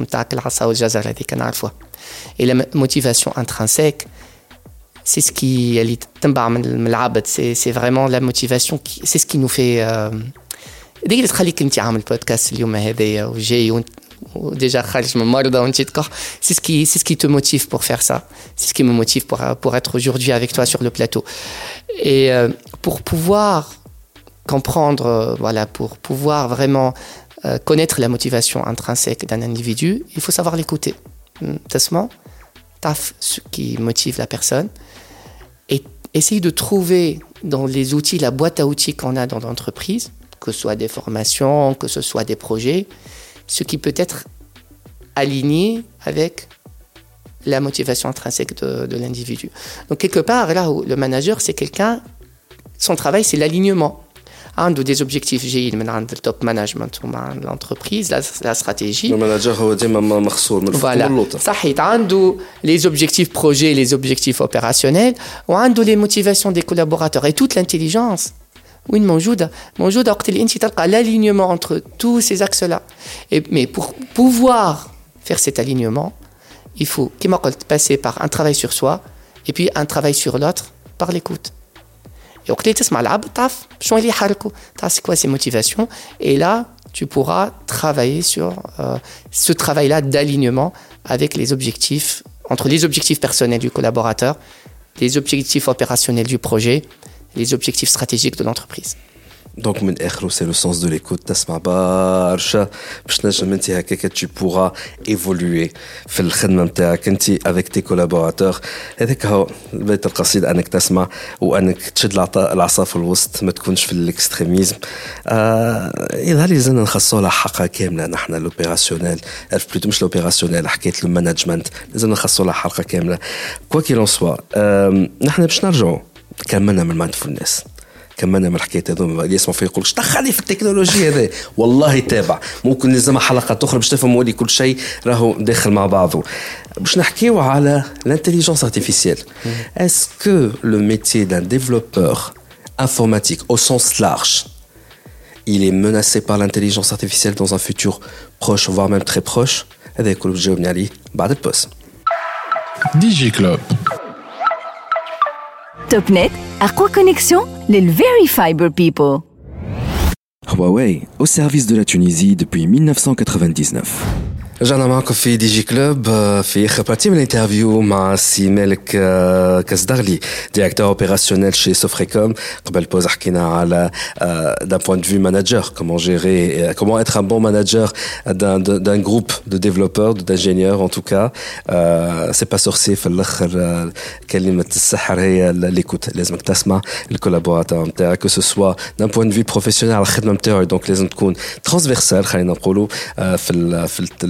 ال le savoir en tech côté technologique, euh, mais aussi il faut qu'il y ait un grand, une grande partie de psychologie qui fait l'être humain avant de parler à, aux collaborateurs.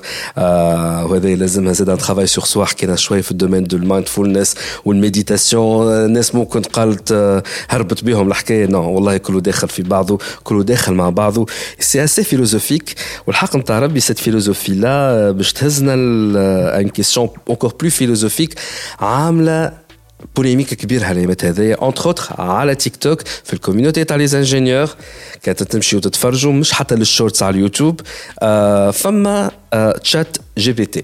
جي بي جي بي تي فوالا. فوالا اللي هو تابع لو بروجي اوبن اي اي اوبن اي اي اللي فيه مشاركه فيه ظهر لي مايكروسوفت مايكروسوفت من اخر pour ceux qui ne savent pas peut-être donc c'est un chatbot d'intelligence artificielle euh, tu lui poses n'importe quelle question il gère beaucoup du façon proche il y a un vrai humain qui a écrit la réponse histoire poème اللي اللي تحب عليه article de blog ينجم يكتب لك ان ارتيكل دو بلوك سور اون تيماتيك بيان سبيسيفيك وتنجم تزيد تاخذ جمله من اللي كتبه هو وزيد يديفلوب أكثر ينجم يكتب لك توت ان رابور تاع بي اف أو معناها لي زيتيديون اللي يحب يخدم مخه باش ما يقراش برشا يتعدى غاديك يكتب له الرابور حاضر كامل منين الدور يدور فما دي اكسبير ان توكا قال لك اها اللعب بدا يحرج توا سي دي انجينيور والناس معروفين دي انفلونسور نتاع سي فري اجوردي سي فري لو تشات بوت هذا ينجم يكتب لك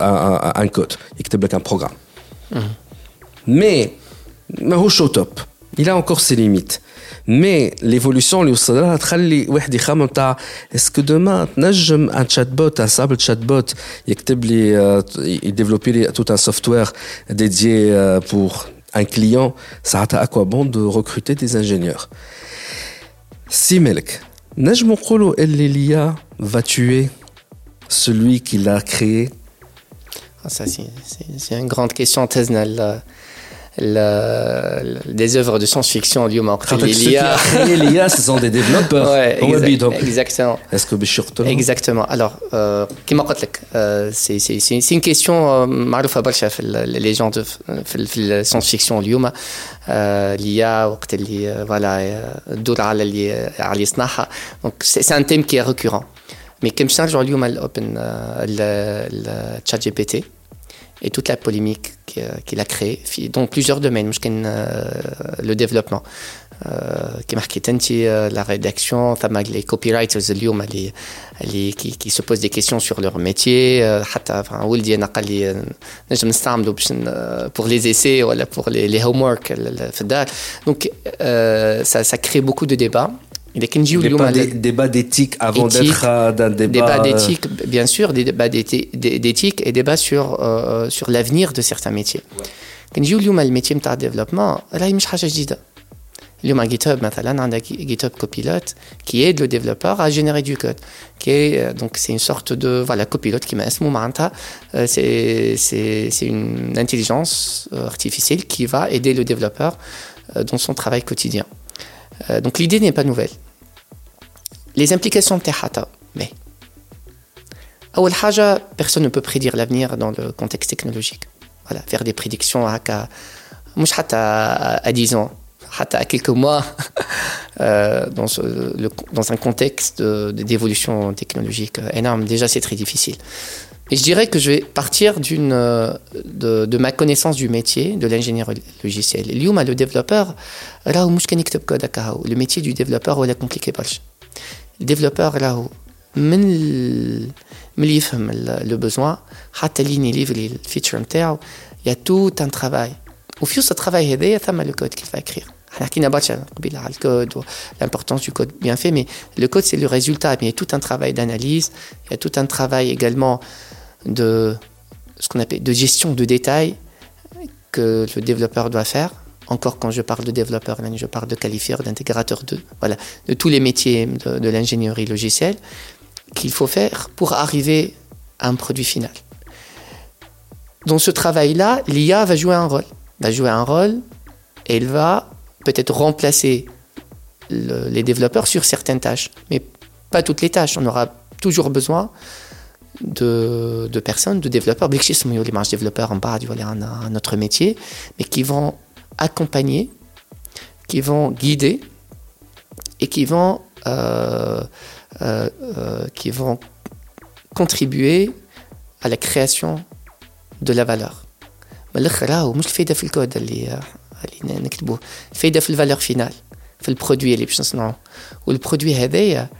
est-ce que l'IA elle peut gérer tout le produit Par exemple, un produit euh, de gestion de risque في بنك يلزمك تمشي تحكي مع les gestionnaires de risque ويلزمك تمشي تحكي مع les régulateurs ويلزمك تفهم les règles métiers ويلزمك تشوف كان عندك ابليكاسيون ليجاسي تفهم الكود نتاعها ليش السؤال تاع بهما؟ نعم ليش السؤال تاع بهما؟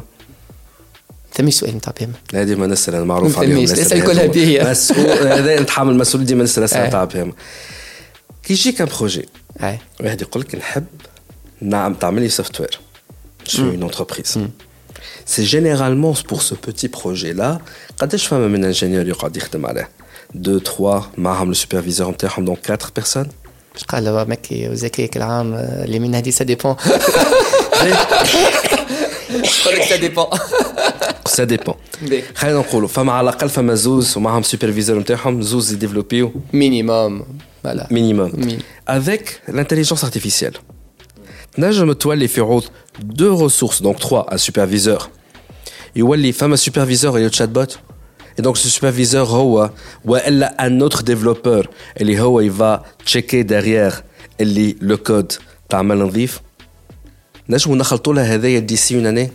والله نجموا كيما نجموا يكون عندنا ميتي آخر ما كناش نعرفوا الجمله على خاطر ولا عندنا دي شات بوت ولي عندنا ان اوتر رول تاع التستور شات بوت نجم يكون عندنا ان اوتر رول جو سي با مي نجم يكون عندنا ان اوتر رول بور انتيغري لو شات بوت دون لو سا با انت قلت شات بوت مي اخر نحكيو على شات جي بي تي مي با فورسيمون هما باش يكونوا دي زوتي انتيغري انت في الكام تاع تاع جيت هاب سي دي زوتي كي سون انتيغري اوتي دانتيليجنس ارتيفيسيال خلينا نبدلوا الاسم فوالا يكون انتيغري في الانفيرونمون دو ديفلوبمون لا لا ينجم يكون عندك ان اوتر رول دومان on sait jamais. يظهر قاعد تشوف في اللي قاعد voilà, فهمك اي اليوم اليوم l'idée de remplacer ce qui va se passer c'est qu'il y a des métiers il y a des tâches qui seront automatisées ça c'est certain par contre il y a d'autres tâches اللي باش يقعد l'humain يعملها et là on aura besoin encore de d'ingénieurs de développeurs sur plusieurs euh, euh, voilà sur sur plusieurs euh, dans plusieurs spécialités mais il y, a des spécialités il y a, des métiers ممكن ثلاثة أربع سنين اللي ما كناش نحكيو عليهم اليوم موجودين il y aura de nouveaux métiers dans le futur ce qui est certain c'est que l'intelligence artificielle va changer la donne tu will disrupt voilà كلمة الناس الكل تستعمل فيها disruption mais disruption là مش معناتها on n'aura pas on n'aura plus besoin de développeurs ou elle ça va tuer le métier de développeur voilà non Ils ça va évoluer. changer ils doivent évoluer et, et, et c'est pour cela ريت ندولو ندولو نرجعو وليد الكيوريوزيتي البوان الاولاني بالكل الابرونتيساج في اول انترفيو لازمك تتعلم تتعلم l'apprentissage هذا ايش حبيت نقول اليوم راهو l'IUMA, le métier de l'ingénierie logicielle qui consiste à créer de la valeur en créant des produits, euh, voilà, des applications. On aura toujours besoin de personnes qui savent créer cette valeur-là. Après, les tâches, les personnes est-ce qu'ils vont, on aura besoin de est-ce que nous fait des backends, alors que nous, j'ai une application générée les backends d'une manière plus efficace. Oui, mais on aura besoin de personnes qui ont de la vue globale, on aura besoin de personnes qui, savent connecter les différentes briques technologiques, on aura besoin de personnes qui savent analyser, qui savent concevoir et qui savent euh, qui savent euh, à la fin de la journée livrer de la valeur. Et ça, c'est très important. Et donc, moi, je suis pas inquiet. Je suis développeur à euh, les باش تعوضوا ليا هو اللي راقد معناتها اللي qui suit pas la qui, qui n'est Qui pas n'est en pas train à de jour avec suivre, qui n'est pas l'actualité, à euh, jour, avec la technologie. Euh, voilà, qui euh, qui euh, qui qui reste dans sa zone de confort. ou En تاع- d'autres termes وهنا الحلقة تتغلق مش الحلقة معناها الحلقة الابيزود مي سي ان سيركل ان فيت اللي بدينا بيه كملنا بيه انه علاش يلزمك ديما تكمل تقرا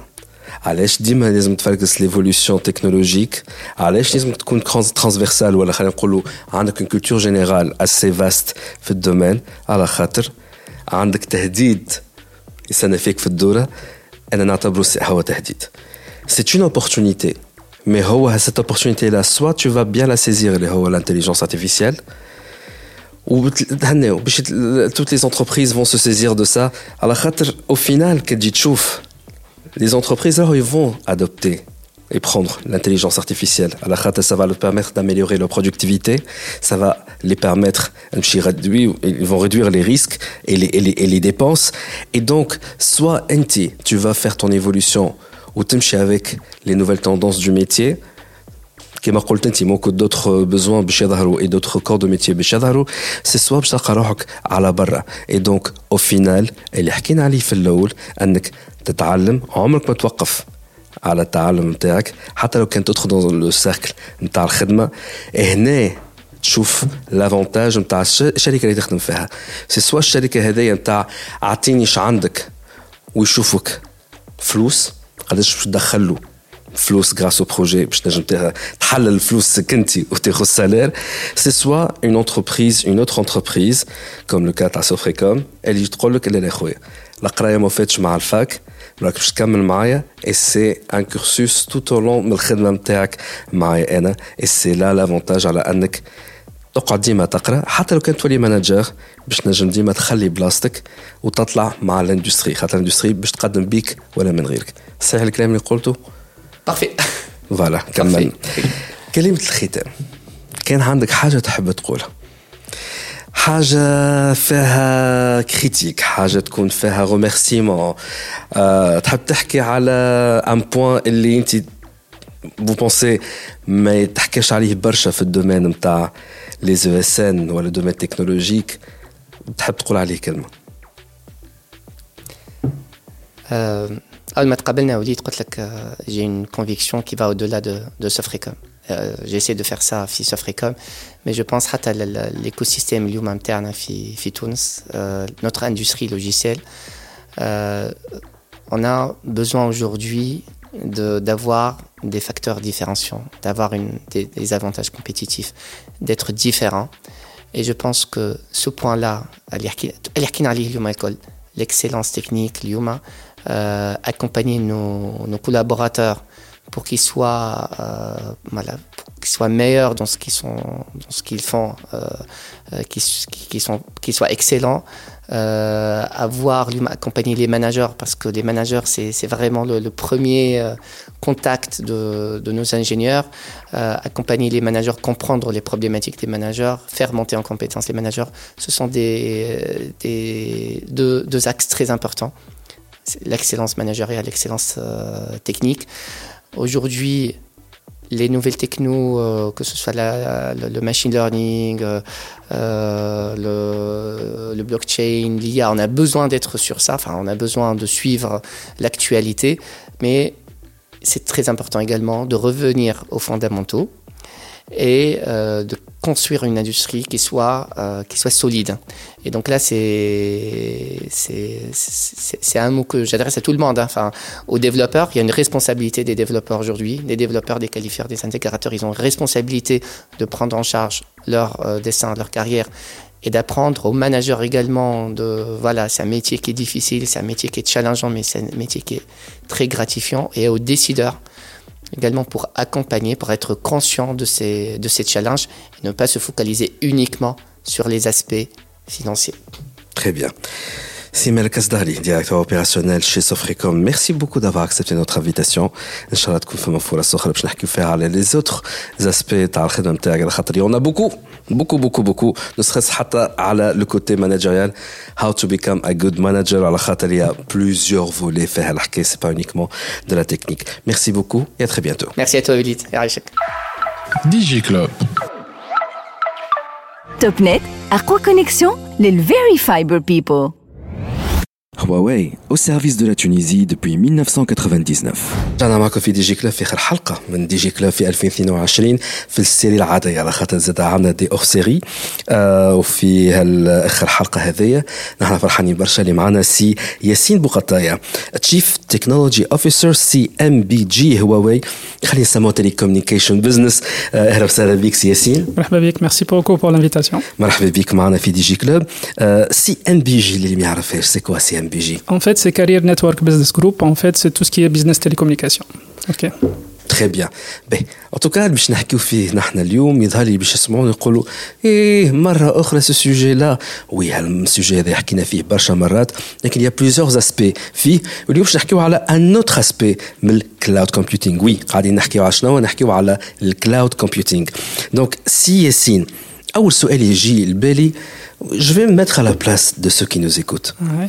باش نقول لك يا اخي هالكلاود ما فديناش منه باقي فما كلاود كلاود كلاود اسكو cela veut dire qu'il y a une résistance au cloud في تونس Ok, très bonne question. En fait, on se demande pourquoi, on va dire, la pénétration des services digitalisés sur le cloud est très bien avancée sur des pays, euh, on va dire, voisins, voire l'Europe avec un très grand gap. Donc, pourquoi Euh, ici en Tunisie, sur le territoire tunisien, il y a toujours, on va dire, une résistance par rapport à cette nouvelle technologie, euh, même si, on va dire, c'est tout bénéfique par rapport à l'avancement de ce type de technologie et par rapport à la traditionnelle, donc les services traditionnels qu'ils ont chez, euh, les entreprises, ou bien carrément les PME PMI. Hein.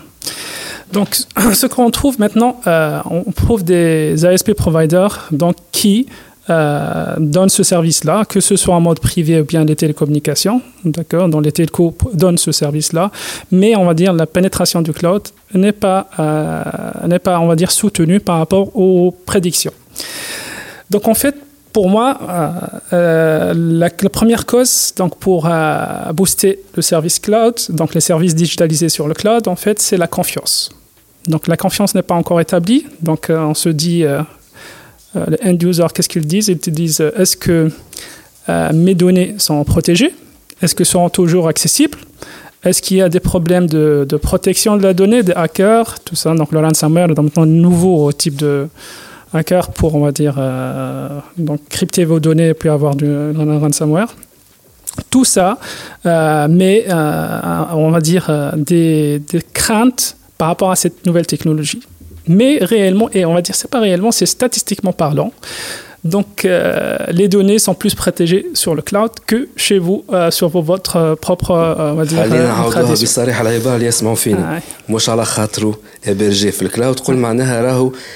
c'est moins sécurisé. Exact. Qui est en local hébergé fait que ça le data نتاعك في وسط l'entreprise. Exactement. Et, on parle des statistiques. Hein. Donc, ah, des statistiques نجم نعطوهم. Maintenant 80, dans 2025, 2025 80%, des nouvelles applications vont être euh, nativement hébergées sur le cloud et carrément développées. 80%. Ça c'est des rapports de IDC. IDC, donc ce sont des, on va dire, des entreprises qui font des statistiques sur le marché euh, worldwide et, ils prédisent que 80% des données seront sur le cloud.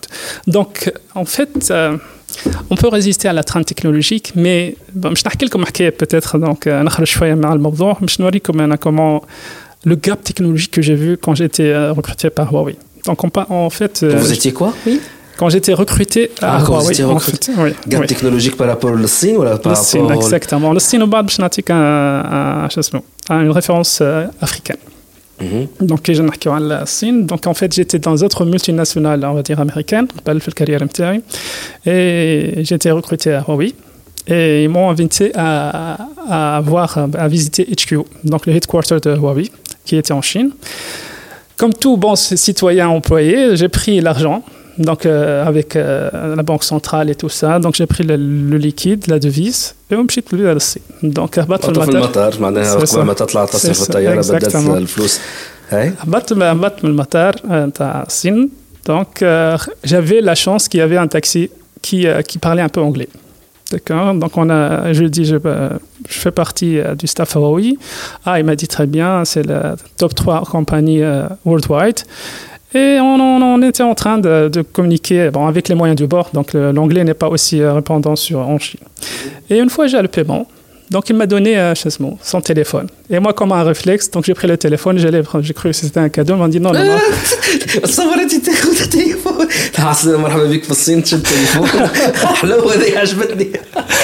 non, c'était un réflexe. On va non, on m'a dit non, ce téléphone-là, c'est pour le paiement. Donc il a généré un QR code. Et le QR code était pour le paiement. Donc moi j'ai pris, bon, je lui ai dit, ok, j'ai pas les moyens de paiement que vous avez aujourd'hui. Je, je lui ai donné le liquide. Eh ben, il m'a pas cru. ah bon? Ah oui, il m'a pas cru que j'étais un staff de Huawei. L'image que j'ai établie, comme quoi j'étais à Huawei, je fais parmi comment un staff de Huawei worldwide, il n'arrive pas à payer avec son téléphone aujourd'hui. Ça, c'est le premier, on va dire, gap technologique. Et le service digitalisé. Choc technologique. Ça, c'est le premier. En fait, j'ai trois histoires à raconter. Deuxième. Bon, nous, on est très, on va dire, euh, influencé par rapport à tout ce qui est technologie européenne. Ok? Donc aujourd'hui, quand on monte en France, par exemple, on y va euh, sur les bouches de métro de, de France, et on va, sortir du bouche de métro de France. Qu'est-ce qu'on trouve? On trouve les mendiants. Les mendiants, comment ils, ils mendient? Donc, un chapeau, في باريس هذا اي تلقى قدامه شابو شو يعمل تعطيه دي كوينز دي دي لا موني سنتيم لي سنتيم موني ولا بيان لي جيتاريست تو سا حسب رايك في فلسطين كيفاش يعملوا بالكيو ار كود تقول ليش ان اس دي اف قاعد يطلب في الفلوس بالكيو ار كود اي بان سي سكو جي فيو عندك اون بانس un QR code qui est imprimé. Et, et, euh, et, euh, et si tu veux transmettre de l'argent, il n'y a que ce moyen-là. Il mm -hmm. n'y a que ce moyen-là. D'accord Ça, c'était c'est le deuxième choc. C'était à Shanghai ah, euh, Oui, c'était, à Shanghai. Eh ben moi, en fait, euh, je suis à caractère, on va dire, provocateur. Shit, le, le, le, ce mendiant-là, et je voulais lui donner de l'argent pour voir un peu sa réaction. Eh ben, j'ai eu un smiley de sa part, et avec l'image que euh, moi, que je voulais aider quelqu'un, et lui m'en a utilisé un service digitalisé, hein, plus avancé que moi, il m'a fait un, smiley comme quoi euh, les sensations que j'ai eues, c'est quoi En fait, vous connaissez le dessin animé, euh, comment il s'appelle euh? Chasme. L'ère des dinosaures, Chasme. L'ère des dinosaures, Exactement. Donc, Chasme, Pierre à feu. Vous connaissez, connaissez les, dessins, les, Pierre à feu Et ben, c'est l'association que j'ai eue, un mention qui utilise un service digitalisé et moi je voulais aider et je me retrouve avec un, deuxième choc technologique, comme quoi utilise ce service digitalisé et moi j'arrive pas.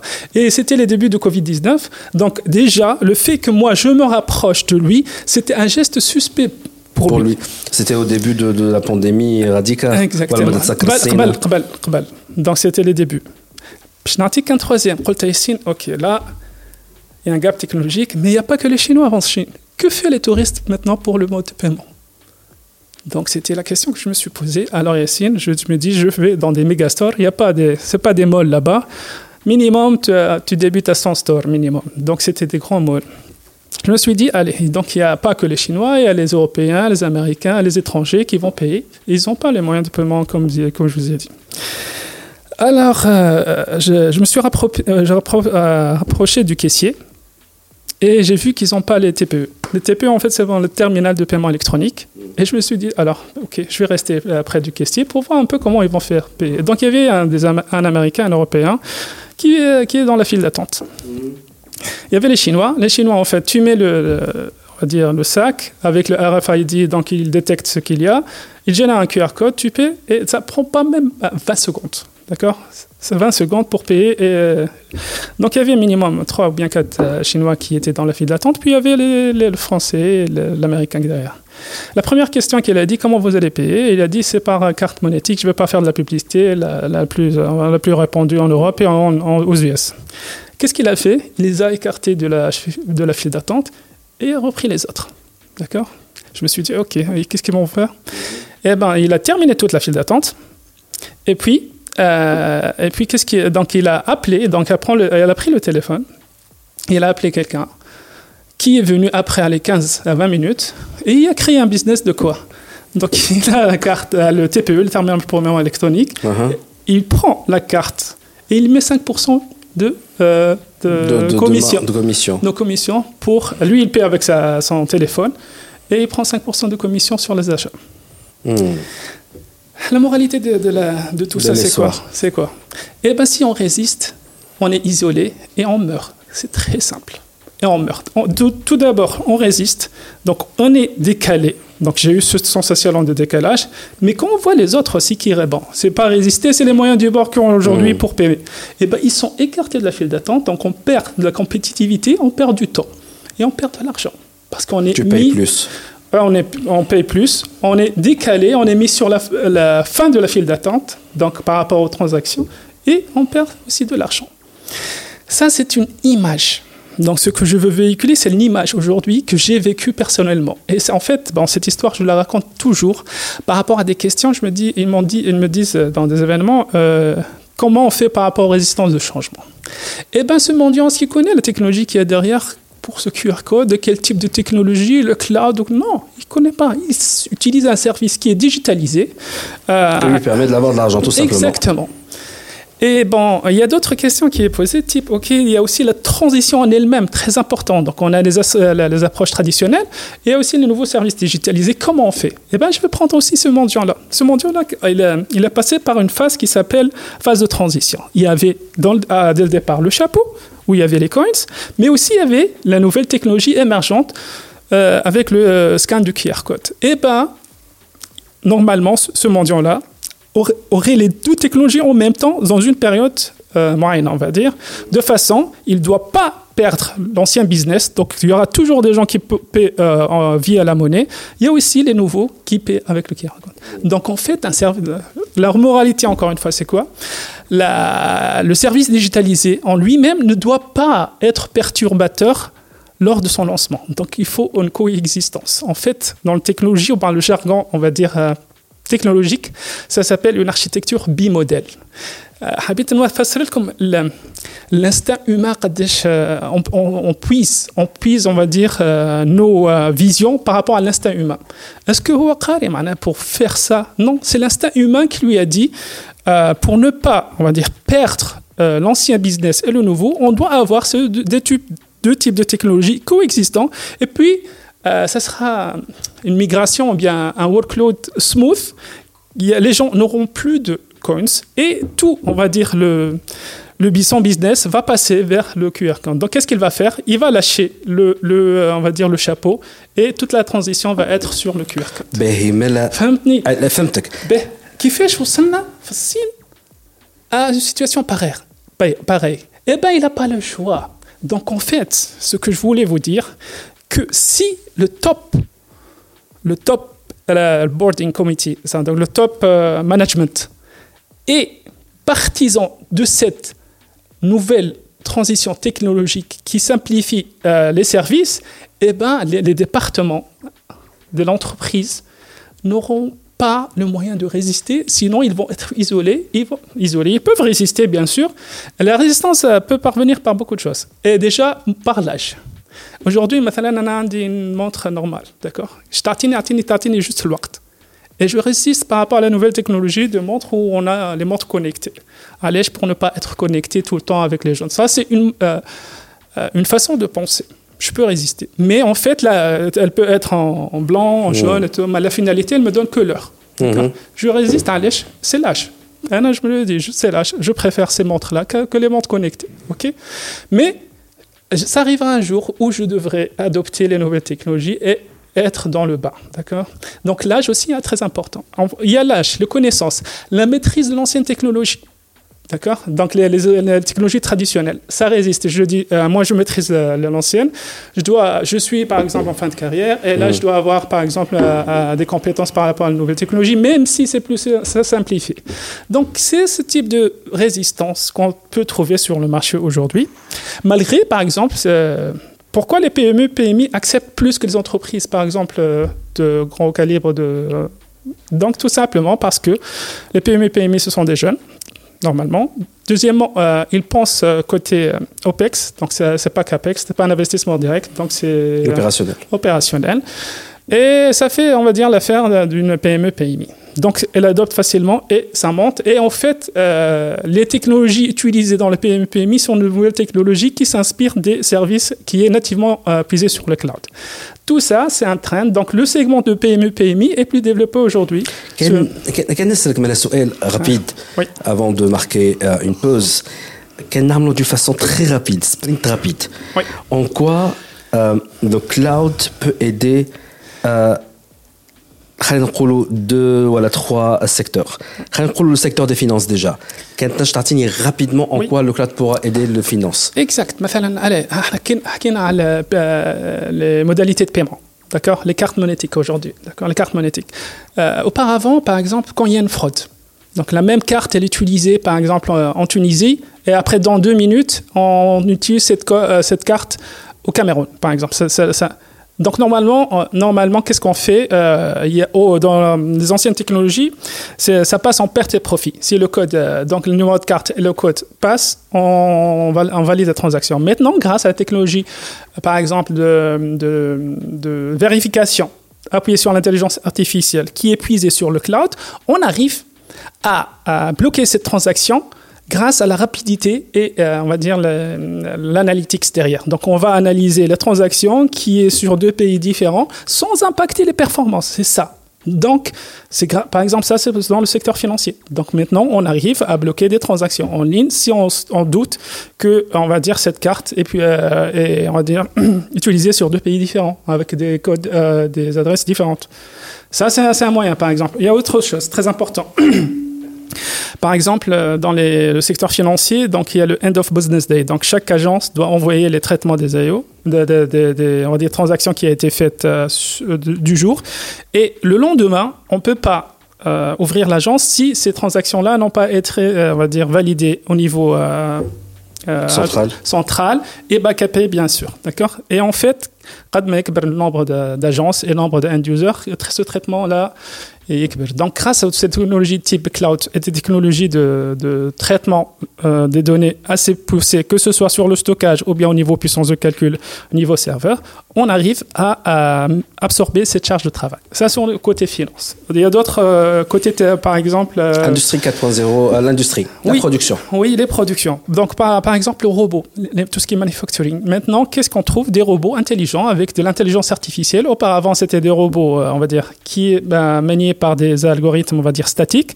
Maintenant, euh, on peut avoir, par exemple, de, de l'intelligence artificielle qui va détecter des défaillances, par exemple, sur des produits n'importe quel, parce qu'on peut scanner par exemple des images, sur ces images, grâce à traitement des images, qui s'appuie sur l'intelligence artificielle, en fait, qui est puisée sur les solutions cloudifiées, euh, on peut détecter des défaillances. Donc on arrête et on, on bloque, par exemple, on minimise, on va dire, les, les défaillances sur euh, toute la chaîne et on augmente la productivité derrière.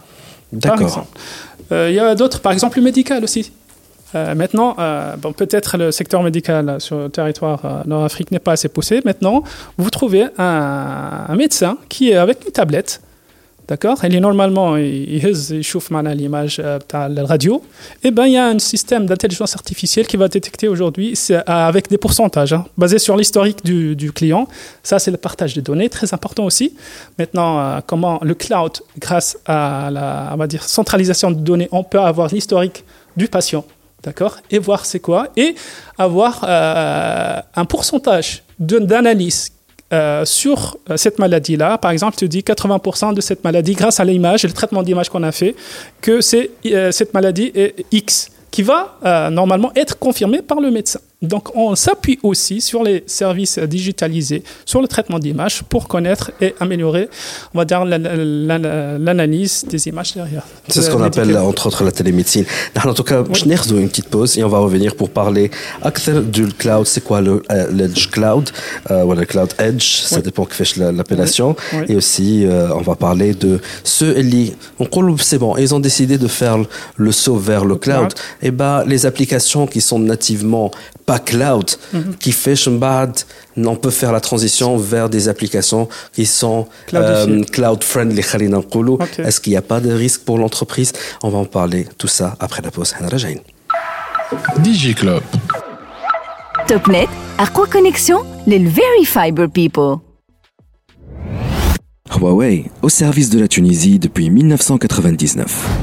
رجعنا معكم في دي جي كلوب في اخر حلقه من 2022 توكا في السيري العاديه نتاع دي جي كلوب آه ومعنا سي ياسين بوقطايه شيف تكنولوجي اوفيسر سي ام بي جي هواوي خلينا نسموها تيلي كوميونيكيشن آه بزنس ديزولي ديجا كان تسمعوا فيه حسيتوا صوتي يتبدل شويه خارج من المرضى آه سيسر رواحكم ديجا نو سوم دون اون بيريود اللي الناس كلها قاعد تخطف في لي فيروس ان شاء الله الناس كلها آه تولي لاباس دونك قبل لابوز كنا نحكي مع سي ياسين على انكور لو كلاود اي لا ريزيستونس او شونجمون في الكلاود du moins في تونس حكينا على des histoires personnelles par rapport à sa visite في الصين وكيفاش معناها ce gap technologique ce choc technologique euh, هو il l'interprète comme étant euh, pour les entreprises du moins celles les entreprises qui, qui refusent de, de, de faire ce, ce pas vers la tout digital la, le, le tout digital راهو باش يلقاو رواحهم tôt ou tard dans ce choc là ou bien évidemment باش يلقاو رواحهم isolé. حكينا على شوية شنو هما l'avantage تاع الكلاود بالنسبة لي زونتربريز دون ديفيرون سيكتور كي نوتامون على التليميدسين. أما حبيت نعرف توا حاجة على ليدج كلاود ولا كلاود ايدج نسمع عليها الكلمة. شنو هو الكلاود ايدج ولا الايدج كلاود شنو التسميه صحيحة؟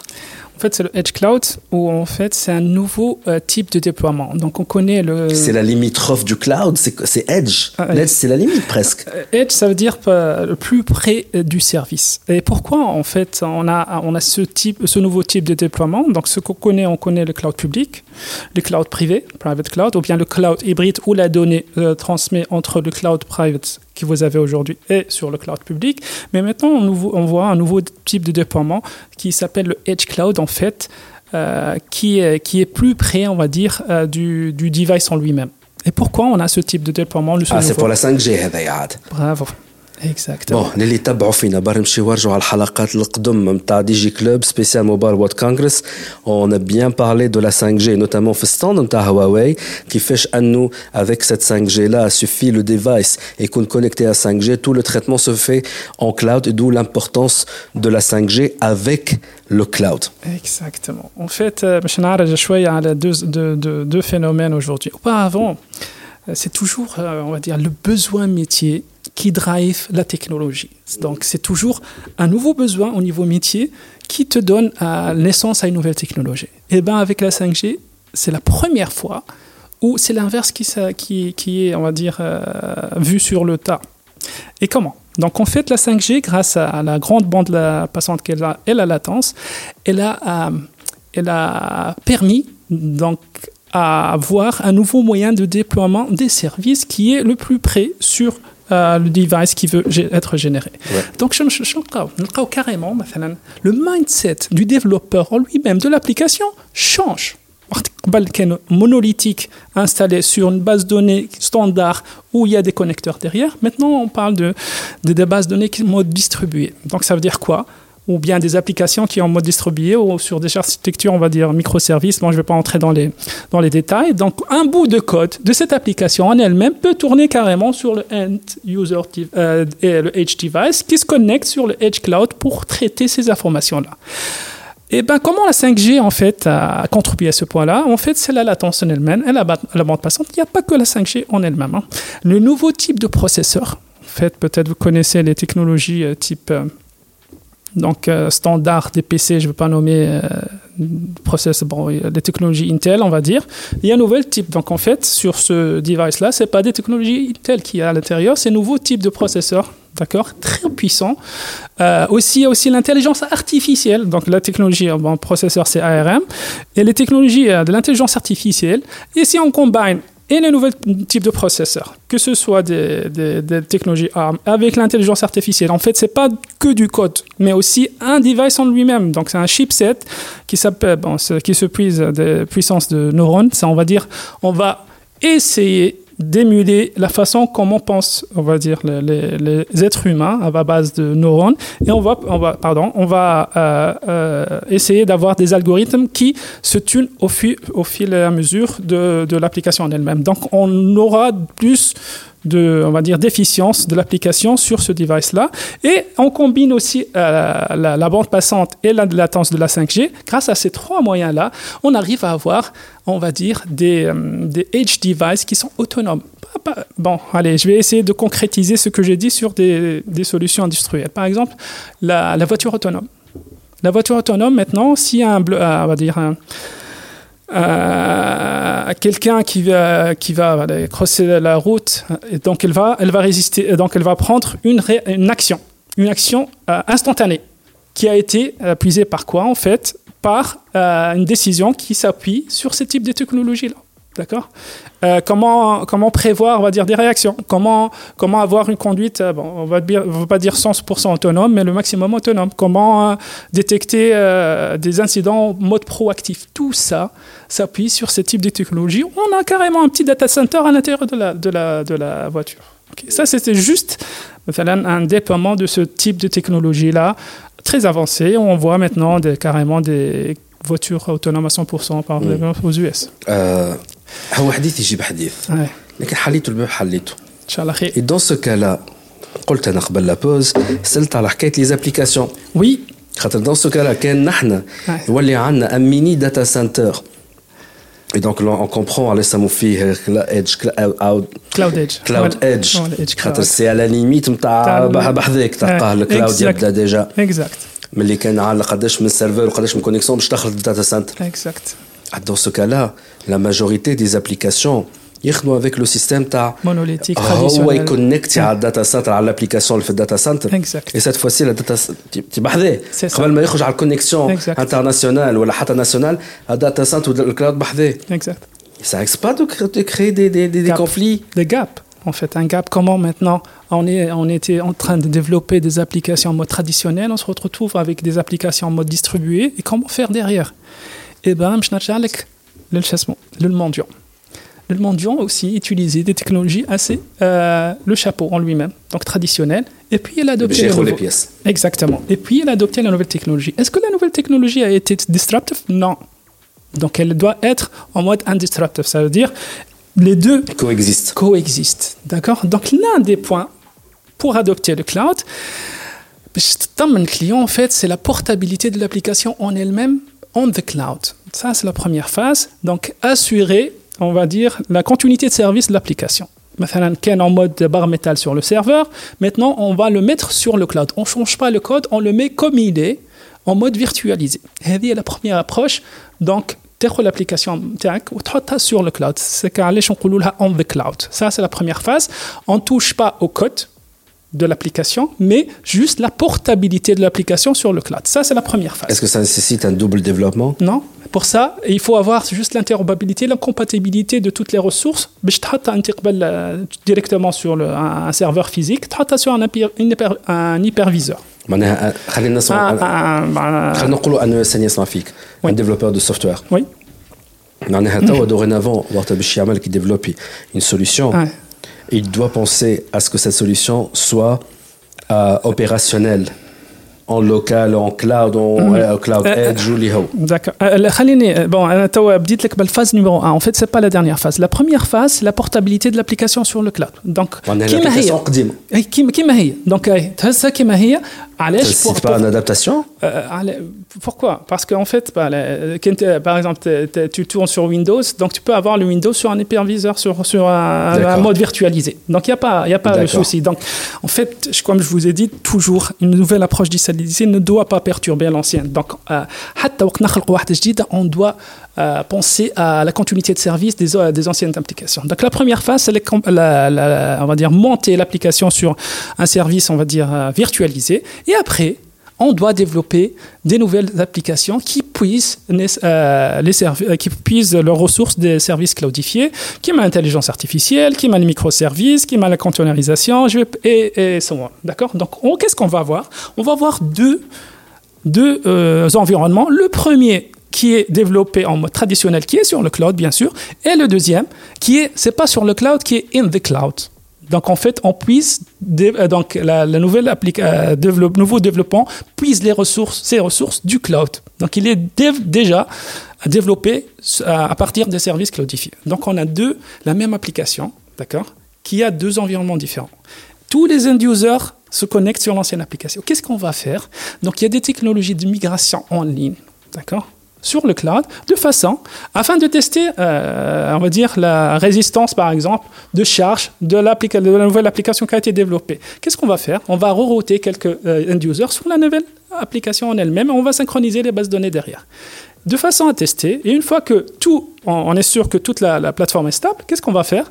On va rerouter les end-users vers la nouvelle technologie. Et là, on assure, la, et premièrement, la continuité de service et puis la migration vers les nouveaux. qui s'occupe de ça Ça, ce sont des services qui sont hébergés sur le cloud. Donc, le service provider.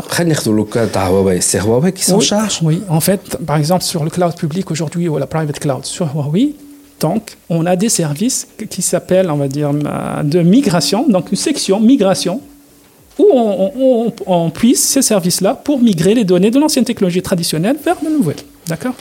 Donc tout, est, tout a été fait pour euh, minimiser l'impact de la transition technologique. Ce qui veut dire qu'il y a un département R&D, recherche et développement, qui fait Huawei, rien que dédié euh, juste à cette transition vers le cloud. Exactement. En fait, il y a des experts.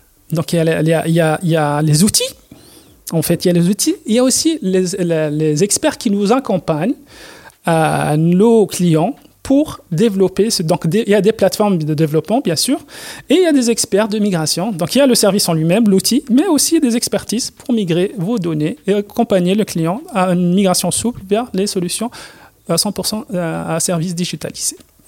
D'accord, ça c'est très intéressant. en tout cas, c'est très important, oui.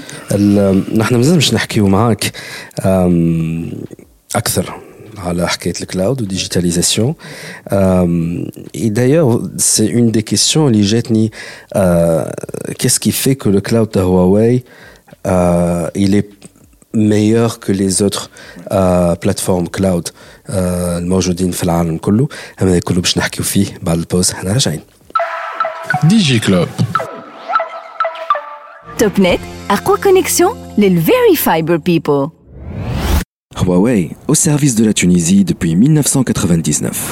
رجعنا معكم في اخر بارتي من دي جي كلوب ديزولي كان صوتي حسيته تعب شويه اليوم الله غالب وسعوا بالكم دونك معنا سي ياسين بوخطايا تشيف تكنولوجي اوفيسر سي ام بي جي هواوي دونك قبل لا بوز حكينا على الكلاود الكلاود ايدج وبرشا حاجات ان توكا عاودوا اسمعوا الانترفيو vous allez apprendre de nouvelles choses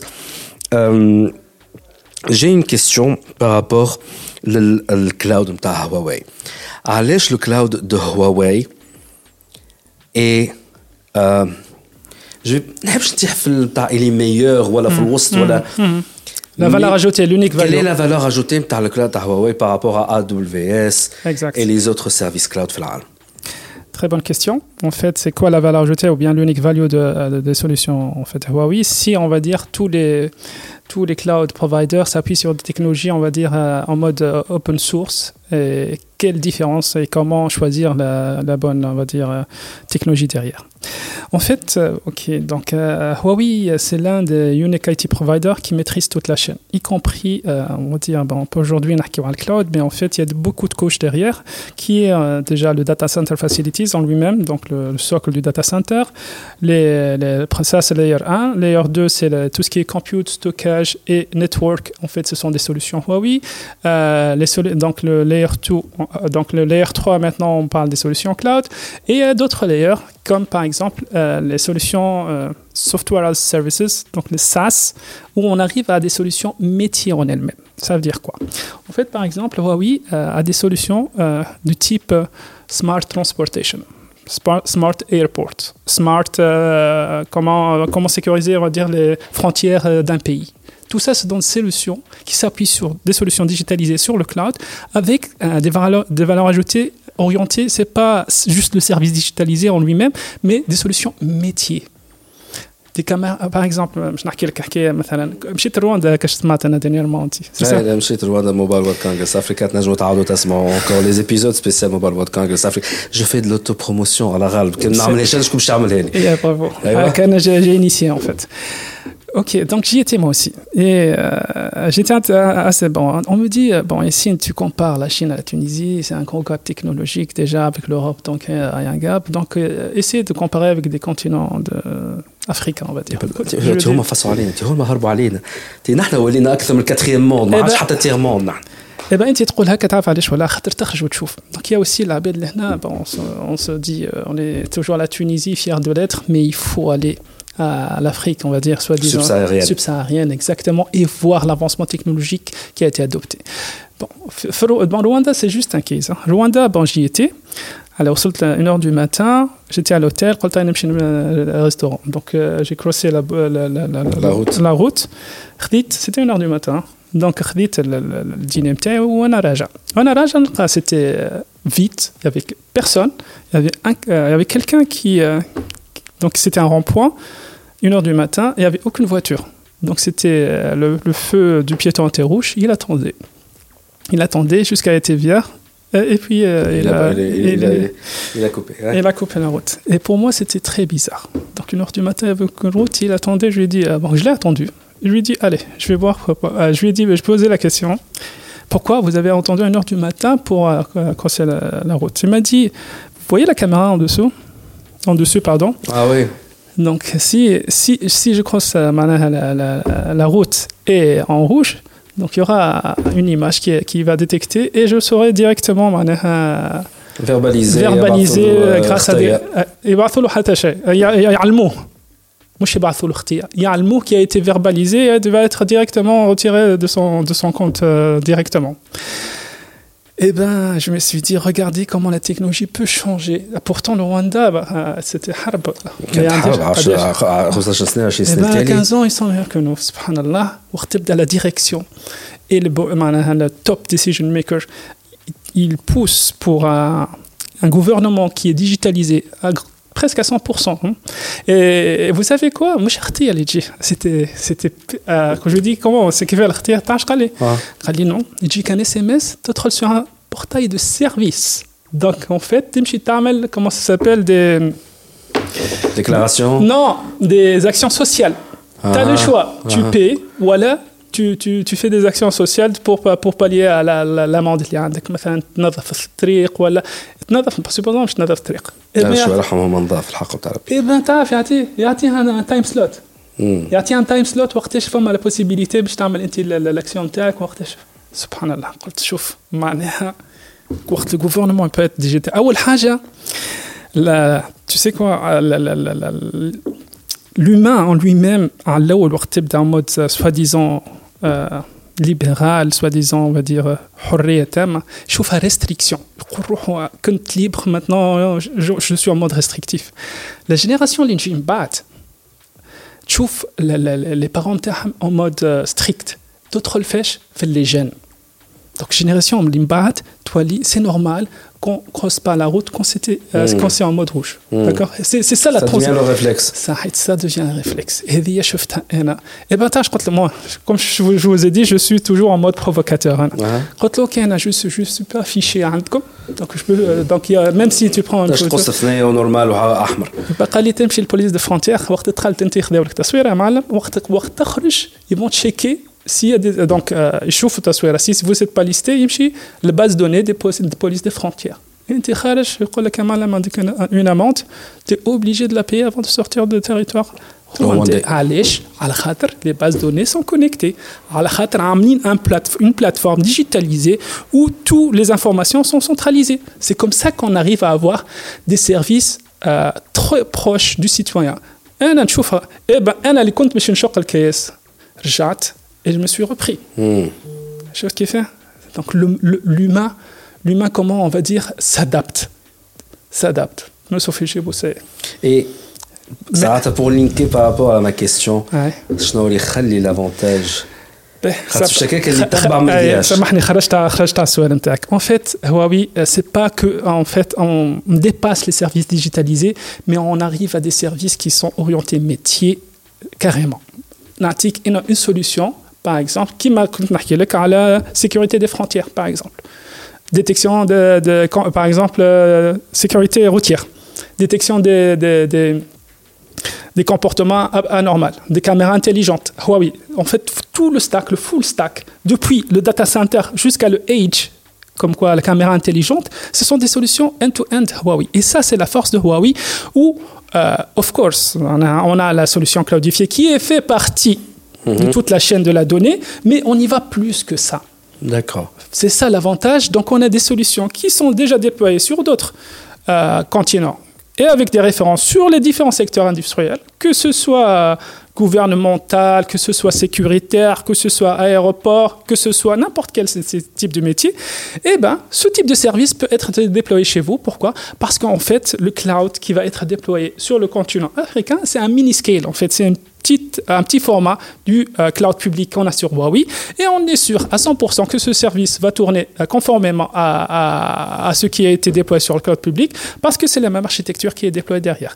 Et en fait, euh, on parle aussi des données souveraines. Très bon, je veux pas. Eh ben, grâce, il suffit de taguer que la donnée doit être souveraine sur le continent, doit être sur le continent. Et là, on a une mobilité de données selon le tag que vous avez fait. Donc, les données qui doivent être sur le continent restent sur le continent, et les données qui peuvent être au sein du même pays. Bien sûr. Pour la souveraineté du pays. Oui, bon, ça, tout dépend des lois, euh, des lois. Donc en fait, euh, il y a la souveraineté du pays qui accepte d'être dans sur sur le continent. Il y a d'autres qui n'acceptent que que ce soit sur le cloud public. Donc en fait la technologie en elle-même doit s'adapter aux régulations qui doivent être sur le pays. Et c'est pour ça maintenant qu'on voit des différents types de déploiements, donc public, euh, private et aussi sur le edge pour satisfaire la transaction en mode euh, instantané. Très bien. C'est Yassine Boukhataya, Chief Technology Officer chez Huawei. Merci beaucoup pour cette interview. Au moins les choses sont beaucoup plus claires. Euh, on va dire, euh, Inch'Allah, Inch'Allah. دائما يقولوها العام الجاي هو نقصدوا معناها على الحلقة الجاية إن شاء الله في جانفي 2023 الحلقة الجديدة من دي جي كلوب لا سيري كلاسيك تاع دي جي كلوب مش اور سيري باسمي وباسم l'équipe كاملة. Je voudrais remercier tous ceux qui sont en train de nous suivre sur THD.tn. Je voudrais aussi remercier la fidélité de tous nos auditeurs. Euh, la prochaine fois. Bye bye. ديجي كلوب وفات اليوم نجموا تعودوا تسمعونا على ساوند كلاود اي تيونز جوجل بودكاست وانغامي برعاية توب نت اقوى كونيكسيون للفيري فايبر بيبل Huawei, au service de la Tunisie depuis 1999.